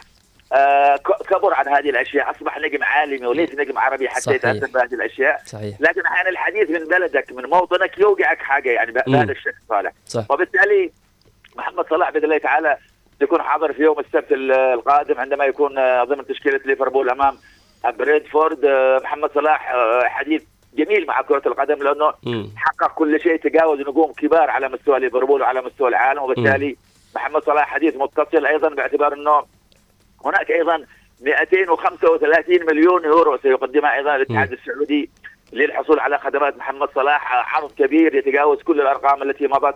أكيد نحن نحب محمد صلاح. نتمنى أن نشاهد محمد صلاح. أنا شخصيا لا أتمنى أن أرى محمد صلاح في الدوري السعودي في التوقيت الحالي لأنه محمد صلاح ما زال يمتلك مخزون كبير مع كرة القدم يعني يقدمه في مسار منافسات عالمية وليس في الدوري السعودي، نعم الدوري السعودي قوي وما شابه لكن أنت هناك بتخوض صراع قوي، بطولات أقوى، بتعطيك وهج أكبر، بتعطيك قدرة على أنت تت- تتطور يعني بهذا الشكل. وبالتالي أعتقد أنه الحديث عن محمد صلاح حديث طويل. كنا تابعنا الموسم الماضي عن 200 مليون اليوم آه ثلاث- آه 235 الرقم يزيد المعطيات آه ربما تكبر آه، أيضا ال- القائمين على أن ليفربول قد لا يعني يقاوم هذا المبلغ الكبير المعطيات ستكون حبيسة للغرف المغلقه باذن تعالى سنتابعها أنا وأنت صالح دائما في آه، كل صباح نتعرف. على هل يبقى محمد صلاح في ليفربول هل يذهب إلى المملكة العربية السعودية كل هذه الأشياء ستكون حبلى في الأيام القادمة. أعتقد كابتن خالد النقطة اللي ذكرتها حول إنك ما ترغب وحبك لمحمد صلاح إنه لا لسه لا تروحش الدوري السعودي أو أي دوري عربي ابقى في الدوري الإنجليزي ابقى في دوريات أوروبا. آه، أعتقد إنه لما أنت تحكي كابتن خالد أنا ابتسمت لأن توافقنا في في الرأي هذا ك- كجانب رياضي وعارفين المسيره اللي قدمها محمد صلاح إنه لا- لسه أنت في 31 من العمر يعني لسه ممكن أيوة، تعطي. لسه لسه لسه نعم محمد صلاح صلاح في هذا العمر هو, هو يتوهج يعني يا سلام. يذهب المشهد التهديفي محمد صلاح ما فيش مباراة ما يسجلش فيها محمد صلاح ما فيش مباراة. ما يصنعش الفارق الأسيست ما زال ما زال محمد صلاح يتوهج فعلا. الم- المملكه العربيه السعوديه سيتأثر مستوى محمد صلاح تلقائيا بدون أي أكيد. نقاش أكيد وكمان لن نسبق لن نسبق الاحداث أنا وأنت أكيد لنا انتظار فيما قد تحمله الأيام القادمة. وكمان يا كابتن لازم آه، نقول كذا بكل صراحة أنه الفارق ما بين الثقافة الكروية العربية والأوروبية مختلفة. الجمهور ال- الليفربول يقول أن محمد صلاح هدية من الله. فلو لو جاء الدوري السعودي آه، وغلط في لعبة بيقولوا له طعمية. لا لا أكيد أكيد البيئة الحاضره يعني اختلاف البيئات والثقافة أعتقد أنها هي من تطور اللاعب وتعطيه دعم وح- وحافز. ليفر- ليفربول يكفي أن تحدث صالح عن ليفربول. يا سلام. محمد صلاح في بيئة حاضنة لكرة القدم آه، نعم. تحتضن التألق تحتضن الأشياء الجميلة محمد صلاح اليوم تجاوز أساطير في ليفربول. تحدث عن أسماء كبيرة تجاوزها جيرارد أوين وما شابه وبالتالي محمد صلاح ليس لاعب عربي اليوم ابن ليفربول. ست سنوات تألق بطولات أوروبا دوري الإنجليزي بطولات أخرى نتحدث عن حالة خاصة مع جمالية كرة القدم ليس في الحقبة الحالية ولكن على مر التاريخ آه، صالح آه، بالنسبة ل- للتقرير الصحفي الفرنسي حول علاقة آه، كيليان بمبابي وناديه باريس سان جيرمان هذه قصة مزعجة في كرة القدم لماذا؟ لأنه لأنه كل يوم خبر كل يوم آه، تطور كل يوم آه، سيناريو كل يوم حديث كل يوم أصبحنا نحن حتى نمل من متابعة آه، مبابي لكن لأنه لاعب عالمي نحن بنتابعه باعتبار أنه أمس تقرير. صحفي فرنسي أكد أنه علاقة كيليان مبابي مع نادي باريس سان جيرمان وصلت إلى النهايه طبعا آه، عقد مبابي ينتهي في يونيو وبالتالي مسألة التجديد ترتبط بالأموال القطرية وقدرتها على أنه تحتضن مبابي من جديد. ربما بأرقام خيالية وفلكية. موضوع مم. العقد وما شابه. ال- ال- التقرير طبعا استند على أنه ما يفعله الجمهور باتجاه مبابي في المباريات. آه، ربما يأكد إنه العلاقة مع هذا الجمهور انتهت مع ألوان باريس سان جيرمان أيضا. مبابي يبحث عن المجد الكروي له أكيد. آه، ربما بالذهاب إلى إلى إلى ألوان أخرى تحقيق ما هو أجمل. لأنه باريس سان جيرمان آه، لا يلبي طموحات مبابي. مبابي أصبح فلسفة كروية تهديفية يمتلك كل شيء جميل على الملعب وبالتالي نحن أكيد سننتظر أيضا مبابي هل هناك حديث في الأيام القادمة مثلا في موضوع التجديد. أم تترك الأمور إلى يونيو ثم يذهب بانتقال حر ربما ريال مدريد ربما ليفربول. ربما نادي كبير آخر المعطيات آه، تظل يعني هناك آه، حديثة طبعا في الغرف المغلقة نحن نتابعها باذن الله تعالى في كل صباح ودائما نضع التفاصيل آه، على صوت آه، واثيرون عدن نعم آه، كابتن خالد آه، جمهور ريال مدريد آه، صراحة آه، يرغب في كيليان بمبابي بس آه، باللهجة الدارجة على قولنا إنه مالك منه يدلع علينا عادو ما يشتيش ريال مدريد يعني أنا ويتأخر ريال مدريد يفتقد حاليا للاعب رقم تسعة رقم تسعة اللاعب الذي يذهب إلى مم. الشباك بصورة مباشرة باعتبار أنه اليوم ريال مدريد ما عندوش راس حربة صريح بيلعب على مم. الأطراف بيلعب تملك وبالتالي نحن مبابي أكيد يحتاجه ريال مدريد مبابي يحتاجه أي فريق آه، حقيقة مم. مع أنه اليوم أيضا فينيسيوس يتوهج حقيقة في ريال مدريد لكن بالأخير تظل الأمور آه، مرتبطة بأفكار الكبار الأندية الكبيرة بيريز آه، ناصر الخليفي الأموال مم. والأشياء التي ترتبط بكرة القدم في في الصيغة الاحترافية نحن أكيد سنتابع المعطيات مم. فعلا كابتن خالد ال- القرارات السياسية أحيانا تتدخل في القرارات الرياضية فهذا معروف بنروح يا كابتن خالد الآن إلى هالر ال- الإيفواري الذي عاد من الموت إلى الحياة وكمان عادت معه كوديفوار من الخروج أو من الموت الكروي في بين أرضها بين أرضها وجماهيرها إلى أن تتوج يعني بقصة صراحة سيناريو غريب جدا يعني أنا كمتابع وأكيد المتابعين شاهدوا أحداث بطولة أفريقيا تفاجؤوا بال- بالحدث الكروي اللي صار. كوت ديفوار بطلة. وأنا أقول لك قبل لحظات قلت لك ان الألوان المنتخب والعلم والهوية والأرض والجمهور هذه أشياء لا, لا يمكن أن يدرك قيمتها إلا اللاعب ال- الذي يعني لديه انتماء إلى بلده. وبالتالي عندما سقطت كوت ديفوار بأربعة أمام غينيا الاستوائية في الدور الأول وصعدت إلى الدور الثاني بثلاث نقاط فقط من المركز الثالث. وبلقطة لم تكن لتحصل يعني آه، حارس مرمى ارتكب نوع من الخطأ عندما كانت الكرة الذاهبة للعود آه، لمسها بيده راحت إلى ركلة آه، يعني ركلة ركنية. جاء منها الهدف التعادل للمنتخب الآخر وبالتالي صعدت آه، الكوتوفوار بالاستفادة من تعادل المنتخب غانا مع منتخب لا اذكر اسمه. وبالتالي كرة القدم روح، كرة القدم أرض، كرة القدم هوية، كرة القدم أشياء يعني آه، هكذا تنمى في محتوى أي لاعب. كوت ديفوار منتخب عريق قدم نجوم توج ببطولات افريقيا مرتين من السابق. عندما عاد إلى الحياة مثل ما قلت الذي يلعب في دورتموند الذي عاد من السرطان. نعم. ادرك إنه حان الموعد إنه أنا سقطت في الم... في ال- في المنعرج الأول يجب أن لا أسقط في المنعرج الثاني. نعم. وبالتالي هذا ما تبناه لاعبو كوت ديفوار نجوم كبار يلعبون في أندية كبيرة. آه، تعاملوا مع التاريخ تعاملوا مع جمهورهم الحاضر في الملعب الذي يعطيهم الوهج يعطيهم المؤازره أدركوا إنه الكاس يجب أن لا تغادر آه، آه، كوت ديفوار إلا وهي في احضان هذا الجمهور. وهذا ما تحقق. كانت ردة فعل أنا امس طبعا نسيت الموضوع أمس. مش. عارف كيف أمس غفلت عن التتويج لكن ما قدمته كوت ديفوار اليوم. دارت للمنتخبات العربية التي عجزت حتى أن تكون في الدور ربع النهائي مع أنها تمتلك نجوم، كرة القدم ليست اسم، كرة القدم ليست معسكر، كرة القدم ليست ان تكون تلعب في نادي كبير، كرة القدم هي أن تتعامل مع المنتخب بنفس ما تتعامل في الأندية أن تعطي المنتخب كل شيء،. يعني لدينا لاعبين عرب على سبيل المثال لا أذكر لكن في الأخير إنه يخافون من الإصابة بيلعبون بأريحية مع المنتخب. لهذا شاهدنا المنتخبات العربية فعلا. جميله كلها تغادر. عندما نتحدث عن كوت ديفوار علينا أن لا ننسى هذا اللاعب الذي قلت أنت أيضا هو عاد من سرير الموت. عندما داهمه السرطان وفي مم. أماكن صعبة جدا لكن في الأخير الموت والحياة بيد رب العالمين آه هذا الهالر طبعا الجميل الذي شاهدناه يسجل أيضا هدف في النهائي. حضور آه يعني هو نفسه ال- الكأس كانت وكانها هدية لهذا اللاعب فعلا قبل أن تكون هدية لجمهور كوت ديفوار في المنعرج الصعب طبعا صحيح. فازت في على نيجيريا في المحطة النهائية أكيد نحن بالنسبة لنا هذه الأحداث جميلة عندما نتحدث عنها صالح نتحدث عليها بإسهاب جميل لأن. جزء من جماليات كرة القدم عندما تعود من الباب الكبير وأنت بهذا الشكل وأنت تمتلك التاريخ تمتلك العراقة تمتلك الأشياء الجميلة هنا هذا الإنجاز يبقى يعني مكتوب في التاريخ لأنه مم. فريق يصعد من المركز الثالث وبالكاد يعني بضربة حظ تقريبا صعد إلى مم. إلى الدور القادم ويصنع المستحيل أعتقد أنه الامم الأفريقية الأخيرة هي درس للمنتخبات التي تبحث فعلا عن صناعة التاريخ. وبوابه البطولات الكبرى. كابتن ليالي دوري دوري الأبطال تعود اليوم نعم الكل سعيد بهذه المواعيد آه، طبعا صالح. دوري الأبطال هو أجمل بطولة بطولة ممكن أن تلعب فيها كرة القدم. اليوم لدينا في الدور ثمن النهائي طبعا مباراتين. لدينا كوبنهاجن مع مانشستر يونايتد آه، توقيت الحادي عشر بتوقيت عدن. آه، أيضا اليوم لايبزيج يستضيف ريال مدريد. كرة القدم الجميلة بالمعطيات. نحن سنتابعها وأكيد في الغد اللي تعالى. أنا وأنت والوسيم محمد محضار سنكون حاضرين. للمتابعة ورصد التفاصيل وتقديمها لكل من استمع. فقرة صباح الخير فقرة الرياضي في صباح الخير يا الله. يحفظك. جميل وشكرا لك صالح وشكرا لأحمد ونوار أحمد محفوظ وأيضا كل من استمع الفقرة الرياضية في صباح الخير. يعط- يعطيك ال- يعطيك العافية كابتن. طبعا اليوم مستمع جيد لكم. انت جميل في مستمع ولا متكلم؟ متالف يعني ما في مشكلة. الله يسعدك يا كابتن. شكرا لك على الأخبار يا الرياضية. ربنا يعمل السلامة. اذا مستمعينا الكرام استمعنا للكابتن خالد هيثم و أنا ما أنا ما أنا ماليش دخل طبعا. عموما آه، وصلنا إلى آه، نهاية ال- الف- الساعة الأولى. الساعة الأولى وأخبار أو الفقرات اللي كانت معنا. ودخلنا طبعا في الساعة الثانية.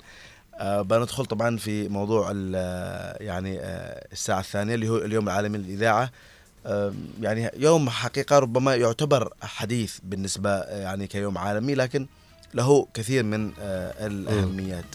آه، طبعا يوم الإذاعة العالمي آه، آه، يعني أقرته آه، ال- يونسكو. يونسكو طبعا في عام 2011 طبعا.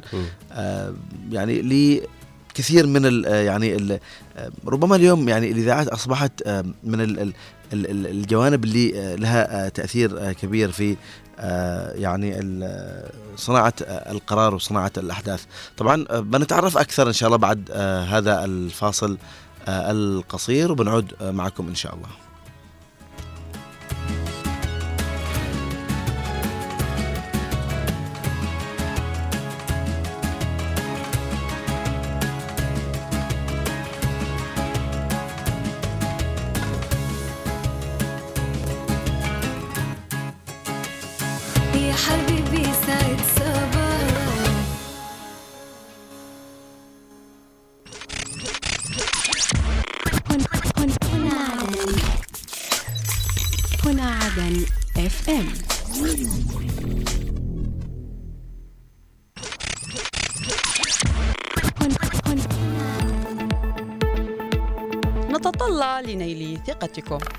نضعكم في صورة الخبر وتفاصيله. انطلق أبطال القوات المسلحة الجنوبية تعيش مدينة زنجبار عاصمة محافظة أبيان. ومع تفاقم معاناة المياه في إحياء المدينة. هم جديد يضاف إلى قائمة الهموم التي تشغل بال المواطن.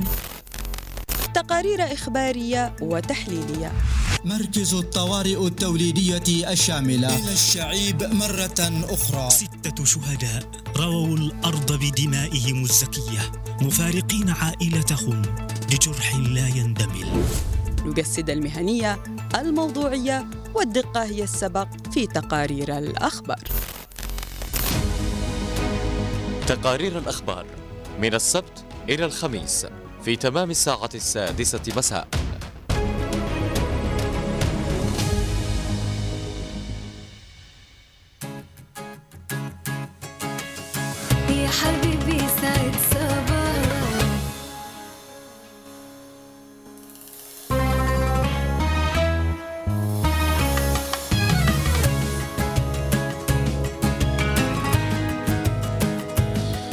متواصلين معكم مستمعينا الكرام مشاهدينا في الساعة الثانية في برنامج صباح الخير. يا عدن وبنتحدث اليوم عن اليوم العالمي للإذاعة. طبعا مستمعينا تدخل الإذاعة قرنها الثاني كواحدة من أكثر وسائل الإعلام التي يعول عليها والأوسع استخداما في العالم وذلك في عصر تتسارع فيه عجلة الابتكارات التكنولوجية إلى حد لا يوصف ولا وتتقادم.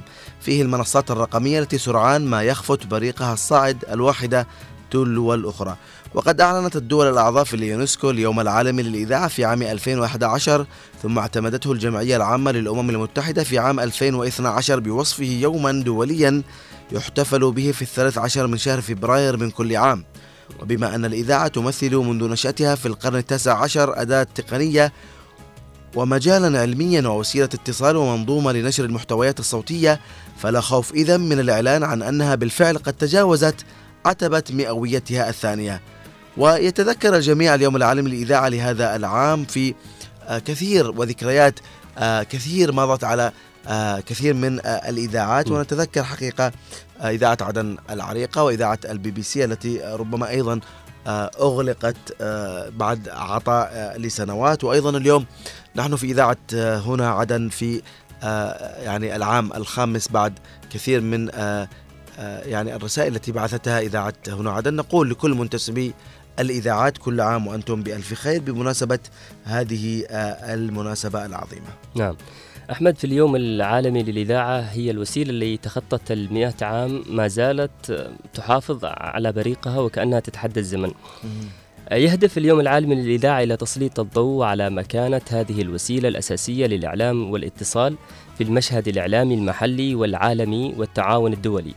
والراديو بكل محطاته ما يزال وسيلة لها بريقها تبدو وكأنها تتحدى الزمن بتطوره فما زال الملايين يستمعون للموسيقى والأخبار عبر الراديو في مناطق مختلفة من العالم خاصة في المناطق القروية والبدائية والتي تحتاج إلى وسيلة إلى وسيلة بسيطة كما أن الراديو ما زال يمثل وسيلة إعلامية للملايين ممن يقودون سياراتهم على الطرق إذ أنه ما يزال الوسيلة المثالية في ذلك. صحيح آه آه طبعا آه اليوم يعني بنفتح طبعا خطوط الاتصالات عبر أرقام عبر أرقام الهاتف 20 11 15 20 آه 17 17 20 11 15 20 17 17 بنتحدث أكثر مع المستمعين طبعا ربما هناك كثير من المستمعين يستمعون إلى كثير من الإذاعات. اللي نريد أن نتحدث به اليوم يعني ربما هناك كثير من يعني الادوار التي قامت بها كثير من الإذاعات. يعني هناك إذاعات كان لها دور كثير في نشر التوعية في نشر الوعي في آه يعني آه يعني أيضا في آه الدور الديني يعني إذا بنتحدث عن الإذاعات في الدور الديني نعم. بث الأذان آه خطب الجمعة آه صلاة التراويح وغيرها من هذه الرسائل التي بعثتها الإذاعة اليوم أيضا مثل ما قلت يعني أداة أداة ترفيه الأغاني أيضا هناك نشرات الأخبار هناك البيانات السياسية وكل هذه الأدوار التي قامت بها الإذاعة خلال آه فترة آه منذ تأسيسها طبعا وانطلاقها آه وحقيقة الإذاعات آه لها تأثير كبير في الرأي العام. طبعا إحنا كنا نتكلم أول على تأثير الإذاعة. آه أحد المدرسين اللي درسوني في الكلية زار الولايات المتحدة الأمريكية ذهب إلى دورة. ويعني صادف إنه كان في فترة قبل انتخابات رئاسية طبعا في في تلك الفترة.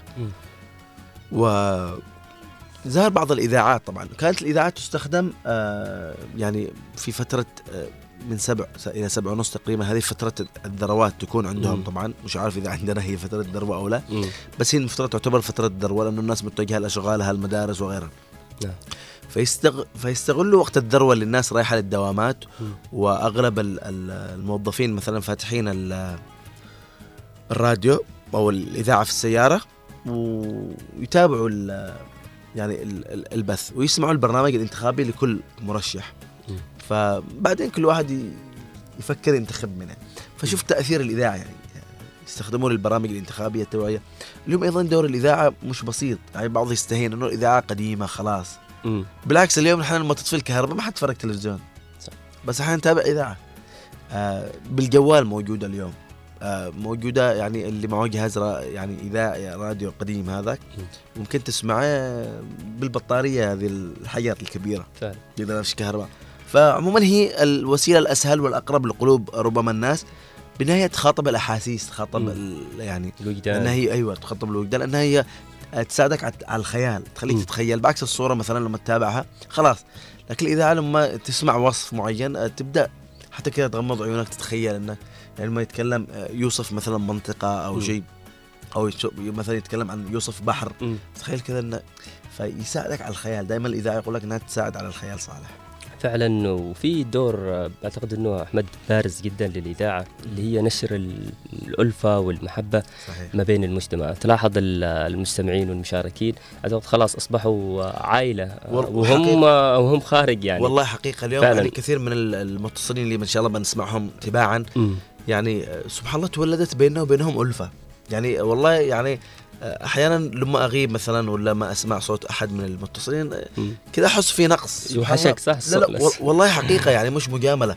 يعني لما تسمع المتصلين ماشي أذكر حد عشان ما أظلم حد ولا بجد يعني والله لما تسمع يعني المتصلين يتصلوا يعني بالنهاية هم بمقام يعني أبوك ولا أمك ولا مثلا يعني إخوانك بعضهم أصدقاء كذلك. يعني حقيقة تشعر يعني بألفة أنت قلت تولدت تولدت ألفة. بالفعل آه، يعني بالله عليك مش بسيط. يعني سنوات إحنا نسميها آه، يعني خمس سنوات مش بسيطة إنك تتواصل مع جمهور تتواصل مع مستمعين آه، تتولد بينكم ألفة تتولد بينكم محبة تتولد بينكم علاقة وطيدة تأخذ وتعطي معهم في الحوار تستفيد من م. تجاربهم. يعني بالنهاية آه، بالذات يعني ال- ال- الآباء والأمهات كبار السن اللي يتواصلون معنا هم يعني أصحاب خبرة في كثير من المجالات يعني كانت لهم تجارب في حياة في الحياة كانت لهم تجارب في العمل كانت لهم تجارب.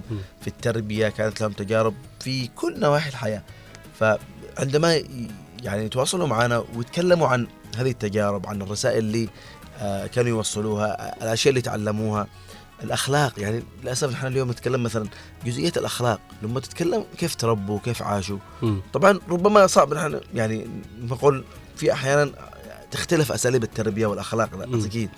لكن اليوم أصبحنا نفتقد كثير من هذه الجوانب. وهنا يأتي دور أيضا الإذاعة أنها تعزز هذه القيم وتعزز الأخلاق و... وأنت قلت تولد الألفة. اليوم أحيانا تلاقي خطاب كله عنف كله كراهية. لا يعني نحاول قدر المستطاع أننا نوصل رسالة اطمئنان رسالة سلام آه، للمستمع.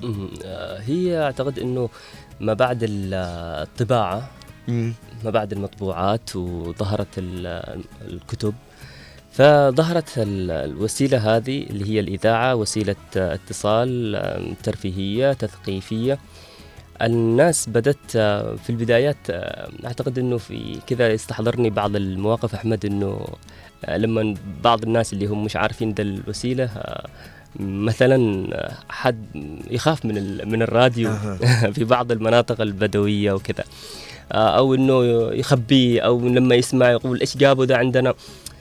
دي اللحظات هنا بدا المجتمع وبدا الناس آه، يتكيف مع مع مع الصوت صحيح. ومع الإذاعة صحيح. آه، بدأ يتلقى منها كل حاجة آه، بدأ يرتفع عنده الوعي بدأ يتلقى المعلومة بدأ يتثقف آه، بدأ يسمع الأخبار من من حوله ومن ومن العالم.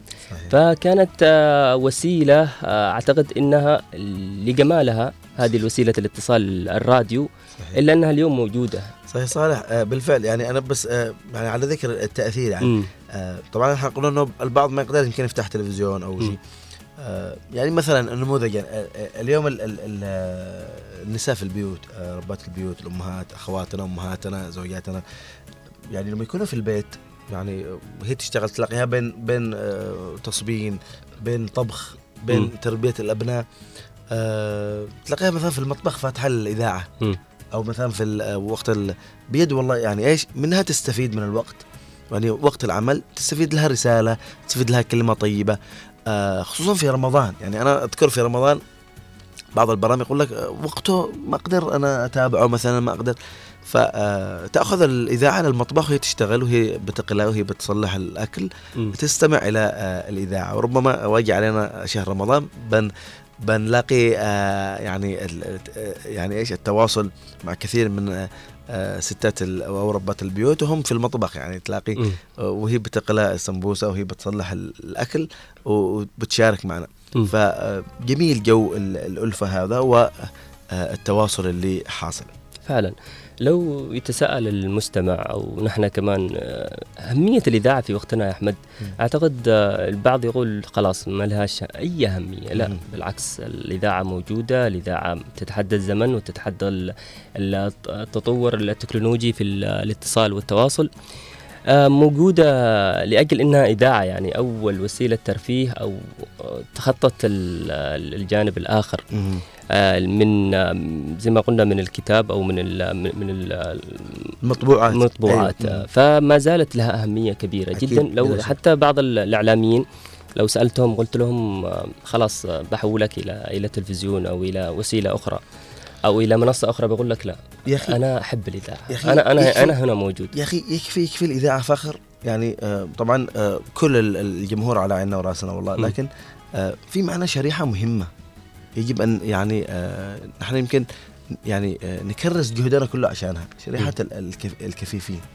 يعني الكفيف آه يعني يعني لما بيتابع الأخبار بيستمع إلى البرامج بيستمع إلى الرسائل عبر الإذاعة لأنه يعني آه الله اصطفاه إنه يعني آه سلب منه نعمة من النعم لكن آه مش نهاية الدنيا. يعني الحمد لله بالنهاية آه هي آه يعني آه أقدار الله. لكن اللي أقصده إنه وصول الإذاعة لهذه الشريحة أيضا مهم يعني م. ويعني آه ك- يعني استفادوا من آه الرسائل من ال- البرامج من آه الرسالة الإعلامية مم. حمد كذا عشان ندردش شوية وفي بما أنه اليوم الإذاعة اليوم العالمي للإذاعة آه، بسألك كذا ما إيش ذكرياتك مع الإذاعة؟ الله الله والله ذكريات آه، الإذاعة كثيرة طبعا شوف أجمل أجمل ما في آه، أجمل ما في الإذاعة إنه آه، يمكن إحنا لحقنا إذاعة عدن العريقه طبعا آه، فترة تخرجي من آه، الجامعة في مم. نهاية 2014 مم. تمام بعدين أتذكر الدكتور مازن شمسان عليه رحمة الله عميد الكلية في تلك الفترة. آه دخلت لعنده قلت له دكتور يعني آه أنا تخرجت وأحب ذا المجال حابب إن أنا أطبق في آه مؤسسة إعلامية. اللي هي الإذاعة قال لي خلاص ولا يهمك والله آه، صيح للسكرتير قال له طبع له رسالة. وعلى طول طبع الرسالة وقعها وختمها بنفس الدكتور مازن عليه رحمة الله. و... ورحت لإذاعة عدن. على طول إدارة الإذاعة يعني تزكية زي ما تقول وإنه هذا من أفضل الطلاب عندنا وكذا. آه، رحت عند ال- الإذاعة آه، في تلك الفترة الأستاذ ياسر المطر كان رئيس مدير الإذاعة وتذكر اللي كان معي آه، آه، أستاذ سعيد شمسان ربنا يحفظه آه، طلع معي لعند الإدارة. ووقعوا لي وبعدين رحت عملت ال- الاختبار الصوتي في الاستوديو طبعا اللي عمل لي الاختبار الصوتي الاستاذ رضا مصلح آه،. ربنا يحفظه أيضا يعطيه العافية حلو إن شاء انك تتذكر هذه الشخصيات أكيد. و- طبعا أيضا طبعا الاستاذ سعيد شمسان والاستاذ رضا مصلح من مخرجي إذاعة عدن آه، العريقة ربنا يحفظهم ونوجه لهم تحية ونقول لهم كل سنة وأنتم طيبين. مم. طبعا ال- الاستاذ رضا آه، يعني ما خلاناش أكمل يعني بدأت أقرأ من صحيفة. قرأت خبر طبعا تعرف أسلوب يعني اذاعه عدن أسلوب رسمي أسلوب آه، آه، القرار وكذا. فبدأت أقرأ كان أنا مذيع من مذيعي الاذاعه مم. فالاستاذ رضا ما خلانا أكمل. قطعنا. قطعنا قطعنا. قال لي خلاص اخرج وطلع معي لعند الاستاذه سهام عبد الحافظ آه أيضا نوجه لها تحية. كانت في تلك الفترة من كبار المذيعين ومديرة البرامج. فقال لها إذا لم يعني ما قبلتوش الولد هذا أنا بخرج يعني مم.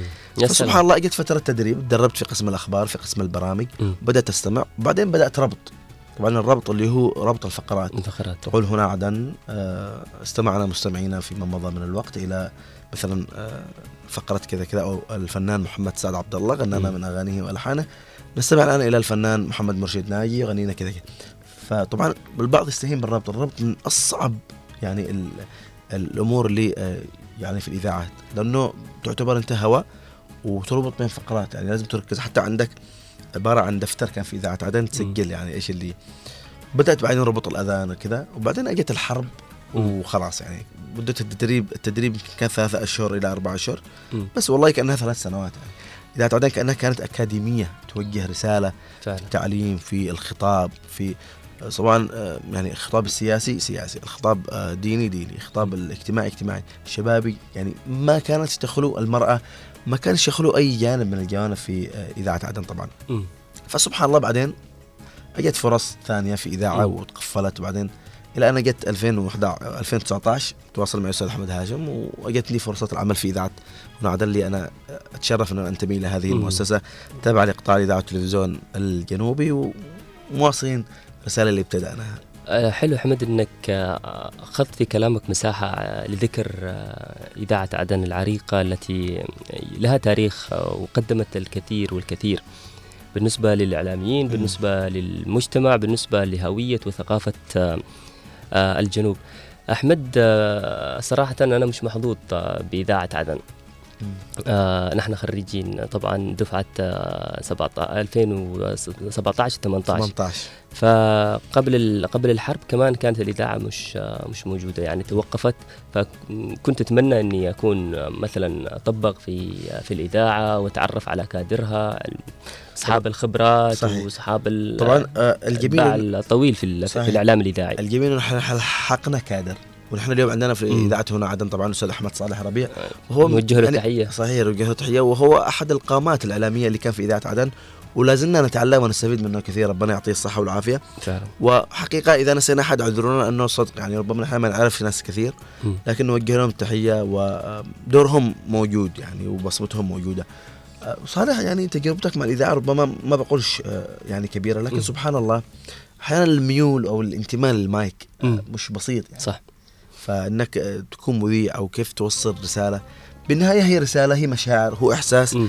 لازم يوصل آه، اليوم أهمية الإذاعة يعني مم. لو لها أهمية كبيرة ربما آه، للإذاعة دور كبير في التغيير صالح. اليوم المجتمع آه، رغم المعاناة كذا لكن نحتاج إن نغير في مجتمعنا مم.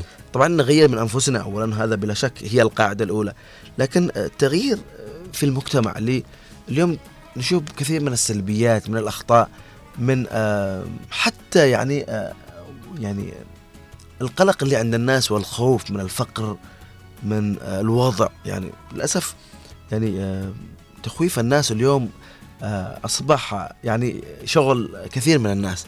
فنحن نحتاج أيضا إلى أحد الأدوار اللي تقوم بها الإذاعة إنه تطمين الناس. يا جماعة اولا نحن معنا رب كريم يعني. قبل كل شيء فنحتاج إنه ليش الخوف يعني؟ بالنهاية الله خلقك وبيتكفل برزقك. فهذه من الأدوار المهمة اللي هو تطمين الناس سواء من الحرب من الفقر من كثير من الرسائل صح؟ إنه الوضع يعني فيه سلبيات وفيه كذا. لكن مع ذلك يجب إنك توصل رسالة إيجابية للناس. مش تخوفهم وتخليهم عايشين في قلق وفي توتر. تعرف إنه ميزة الإذاعة أحمد إنها تنشر التسامح وال- والمحبة. آه، أعتقد الناس لما أنا على مستوى شخصي لما بدخل مواقع التواصل الاجتماعي بنزعج جدا. من. الأخبار السلبية من ال ال الأخبار اللي هي يعني تكدر الحال وتخليك في وضع نفسي صعب جدا. لو الواحد آه، أبتعد شوية عن هذه المواقع أو الأخبار السلبية واتجه للإذاعة أعتقد إنه زي ما قلت أنت بيدخل في حالة اطمئنان. دائما الصوت ودور الإذاعة ميزتها إنها صحيح. آه ترفع من من الوعي آه بشكل بش بشكل جميل جدا بشكل إيجابي بت بتعطي ذاك الصوت الدافع والحنون لل- للمستمع صحيح. فحتى لو تلقى أخبار مش حلوة لكن أعتقد إنه آه بيتقبلها مش بالدرجة اللي بيتقبلها في آه في مواقع التواصل الاجتماعي. صحيح بلا شك. طبعا آه، صالح يعني في في اتصال نوار معنا اتصال بنعود إن شاء الله. السلام عليكم. عليكم السلام ورحمة الله وبركاته. يا مرحبا. معك نور ثاني. هلا هلا نور الله يحفظك. صباح الخير يعطيك الصحة والعافية. كيفكم؟ الحمد لله بخير وعافية. طبعا نحن اليوم نتكلم عن اليوم العالمي للإذاعة نور. أنا آه. أحب الإذاعة من صغير. أها. طيب كيف يعني آه، إيش أبرز الإذاعات اللي كنت تستمعي لها؟ كنت أحب أكثر حاجة يجي آه، هذا البرن- البرنامج آه، زمان. امم كلمتين اثنين و- آه أحمد بن سلمان ولا من؟ أيوة. امم طيب. كل البرامج وكل المسلسلات. مهم. حتى لما أروح المدرسة ما أروح المدرسة إلا لا سمعت هذا البرنامج. يا سلام. والله جميل. يعني آه، هي البرامج التعليمية لها دور آه، أو العلمية لها دور كبير في التعليم. ونحن اليوم ربما تنقصنا كثير من آه، يعني هذه البرامج. طيب طيب محتوى إيش رأيك بمحتوى ال- الإذاعات اللي ح... يعني الإذاعات اللي موجودة اليوم؟ يعني ما رأيك بالمحتوى اللي تقدمه الإذاعات؟ أيوة والله إنها حلوة. مهم. أنا كنت تابع ما كنت علي ضغط ما يعني ما انصلت فيكم مم. أنا الحمد لله تحررت والآن انصلت الحمد لله ربنا يحفظك إن شاء الله يعطيك الصحة والعافية وسعيدين إنك تواصلتي معنا. الله الله معك. مع السلامة. شكرا لك نور. آه، بالفعل يعني آه، طبعا صالح آه، اذاعه عدن كانت ربما يعني عبارة عن انتماء وكثير من الناس اللي كانوا موجودين في الإذاعة كان لهم انتماء كبير يعني يعني عشق ال- ال- الإذاعة وحب يعني بالنهاية هي تعتبر بيتك. مم. فسبحان الله يعني هذا اللي يخليك آه، ليش حب العمل مم. يعني اليوم بعضهم يؤدي العمل عشان راتب. صح. يعني لكن ربما آه، الطاقم آه، يعني ال- ال- ال- الجميل اللي كان في إذاعة عدن كان يشتغل حبا وانتماء في العمل طبعا آه، إذاعة عدن بي بي سي صوت العرب هذه من الإذاعات المؤثرة اللي كانت آه، موجودة على آه، أرض الواقع. معنا اتصال؟ السلام عليكم. الصوت ضعيف ما أدري ارفع لي الصوت شوي لو تكرمت. أسمعك أسمعك عم صابر. آه ال- ال- الحقيقة حول اليوم العالمي لل- للإذاعة. نعم. آه ال- الإذاعة هي منبر إعلامي وثقافي وسياسي. وترويجي ودعائي و و وكل كل كل لا يمكن الاستغناء عن الإذاعة طبعا. يا سلام. هل ما زال صوتي مسموع؟ نعم نعم عم صابر عم صابر لو تعطينا آه، ذكرياتك مع الإذاعة أو أي إذاعة كنت تستمع لها يعني طبعا أكيد ربما تستمع لإذاعة عدن أو ربما هناك إذاعات أخرى ال- الحقيقة أنا أستمع للإذاعة قديما جدا جدا من أيام ال- إذاعة ال- الفيليبس أو سيرة التي كانت تعمل بالبطارية الجافة الكبيرة. أيوة ال- إذاعة عدن يعني كما هو معروف يعني أو آه، إذاعة صوت الاتحاد أو إذاعة الجنوب العربي تأسست في عام 1939 أولا. مهم. آه، كانت هذه الإذاعة بس داخل محمية عدن فقط. نعم. ثم بعد ذلك توقفت ل- لفترة طويلة من عام 1939 حتى 1900 و أو في تاريخ المحدد 7 8 1954 مم. عندما بدات إذاعة هنا عدن بقوامها ال- ال- المعروف والمعتاد التي كان يبث عبر القناه ال- الموجات ال- ال- القصيره وال- والمتوسطة التي كانت تصل إلى شمال أوروبا وأفريقيا وحتى بعض الطلاب استمعوا لإذاعة عدن في في كوبا أو في مم. ألو. أيوه نسمعك نسمعك عم صابر آه، إذاعة عدن كانت تبث بالموجات ال- التي ذكرناها.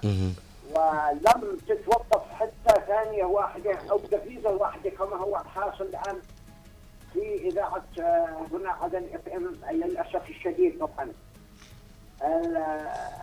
يعني ال- ال- الجانب ال- الثقافي الجانب السياسي ال- ال- يعني في إذاعة عدن كان له وقع كبير جدا جدا جدا بين ال- المستمعين. وهناك جمعية تسمى آه، يعني يعني جمعية مستمعين للإذاعات العالمية نعم. الناطق العربي في العالم طبعا. في العالم ال- هذه ال- الجمعية تأسست في عام 1938 مم. أسسها أحمد كمال سرور وهو منتقل إلى إلى لندن. آه، في ذلك العام مع أحمد متولعي من السودان أيوه آه، أيضا إذاعة عدن كان أول منتج لها وهو من الشرق الأدنى اسمه توفيق إيراني أول مدير لها طبعا وأول مدير نعم صحيح.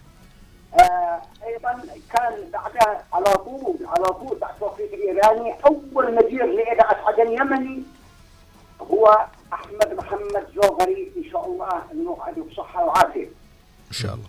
آه الحقيقة نتذكر نتذكر. نعم عم صابر عم صابر ربما الذكريات تطول ولا تنتهي يعني ربنا يعطيك الصحة والعافية. وسعيدين إنك يعني حطيتنا هذه اللمحة الكبيرة حقيقة اللي آه والله يعني آه يعني ربما شخصيات آه البعض طبعا لا زال موجود ربنا يعطيه الصحة والعافية. وهناك لا زالت في أوج عطائها كثير من الشخصيات لا زالت في أوج في أوج عطائها ولا زالت تستطيع أن تقدم الكثير والكثير. ربنا يحفظهم إن شاء الله ونترحم على من انتقل إلى رحمة الله. وربنا آه، يعين الجميع. طبعا صالح آه، لا زالت ال- ال- ال- ال- الاتصالات ترد على الإذاعة وكذلك النقاط اللي حابين نحن نتحدث فيها عن هذا الموضوع. طبعا هناك رسائل آه، وفدتنا من آه، آه، الفيسبوك. طبعا من توفيق الليث يقول أسعد الله صباحكم بكل خير. جميع طاقم إذاعة هنا عدن نهنئكم بهذا اليوم العالمي للإذاعة. متمنين لكم كل التقدم والازدهار والتوفيق والنجاح في مهامكم. إذاعة هنا عدن من أفضل الإذاعات أداء وتقديم. كانت الصوت الوحيد الذي استطاع عبره الجنوبيين التعبير عن أهدافهم وتطلعاتهم وكانت صوت كل جنوبي. ما نتمناه منكم أن تسعوا لتحسين جودة البث لكي يصل إلى كل محافظات الجنوب. نحن في الشعيب الضالع هذه الفترة الأخيرة ضعف البث أو ضعفوا على ما كان عليه. إن شاء الله نحن نوصل رسالة. أتمنى لكم التوفيق جميع طاقم الإذاعة. كلهم باسمي وصفته يعطيك العافية. توفيق. ربنا يحفظك. معنا اتصال. السلام عليكم. وعليكم السلام. يا مرحبا. من معي؟ وسع صباحكم بخير والعافية حياك الله عوض ولا من أيوه أيوه كيفك يا احمد؟ الله صباح الخير الله يحفظك تحية الاخو اللي جنبك صالح الله يحفظك يا عوض آه، إيش بتقول بهذا اليوم العالمي للإذاعة؟ إيش رسالتك أو إيش صوت؟ هذا يوم يعني يوم جميل والإذاعة لها ذكريات لها مم. لها إيجابيات يعني إيش أقول لك؟ آه. شوف لك إذاعة عدن كانت هي الأم يعني امم وهنا عدن هي الريحة من اذاعه عدن الأم. نعم إن شاء الله. برامج كانت جميلة توعية زي كان الأستاذ سعيد ناصر كان ماسك في امور الدين. ماسك في برنامج الزراعة يجي الصباح يوم الجمعة. نعم صحيح. والوالد علي الثقافي رحمة الله عليه. نعم. كان نعم. مع برنامج نفس البرنامج الوطني اسمه بصراحة. بصراحة صحيح. حلو. أيوه أشياء جميلة كانوا يقدموا. والوالده النبي- النبيله حمود رحمة الله عليها. برنامج ما يستاهل إلا صحيح مع سامي العباس. نعم. صحيح. عوض. كثير يا أستاذ أحمد. أيوة أسمعك. الكثير الكثير يفتكر الممثل سامي العباد هو علي مهم. لا لا لا. الصوت واحد سبحان الله. أها. لا في فرق. يعني صحيح بس في. فرق. صحيح. بنذكر ما يصح إلا الصحيح كان آه، من البرامج اللي كنت آه، أتابعها. طيب آه، عوض لا زلت معنا؟ أكيد أيوه. طيب عوض آه، يعني آه، أبرز أبرز يعني ال ال يعني ال ال يعني المراحل اللي تتذكرها من إذاعة عدن أو يعني أو بالأصح ما بقولش أبرز اليوم رسالة الإذاعة خلينا نكون رسالة ال- الإذاعات اللي موجودة اليوم هل تقدم محتوى يعني آه، يساهم في يعني تطمين المواطن في تصحيح الوضع؟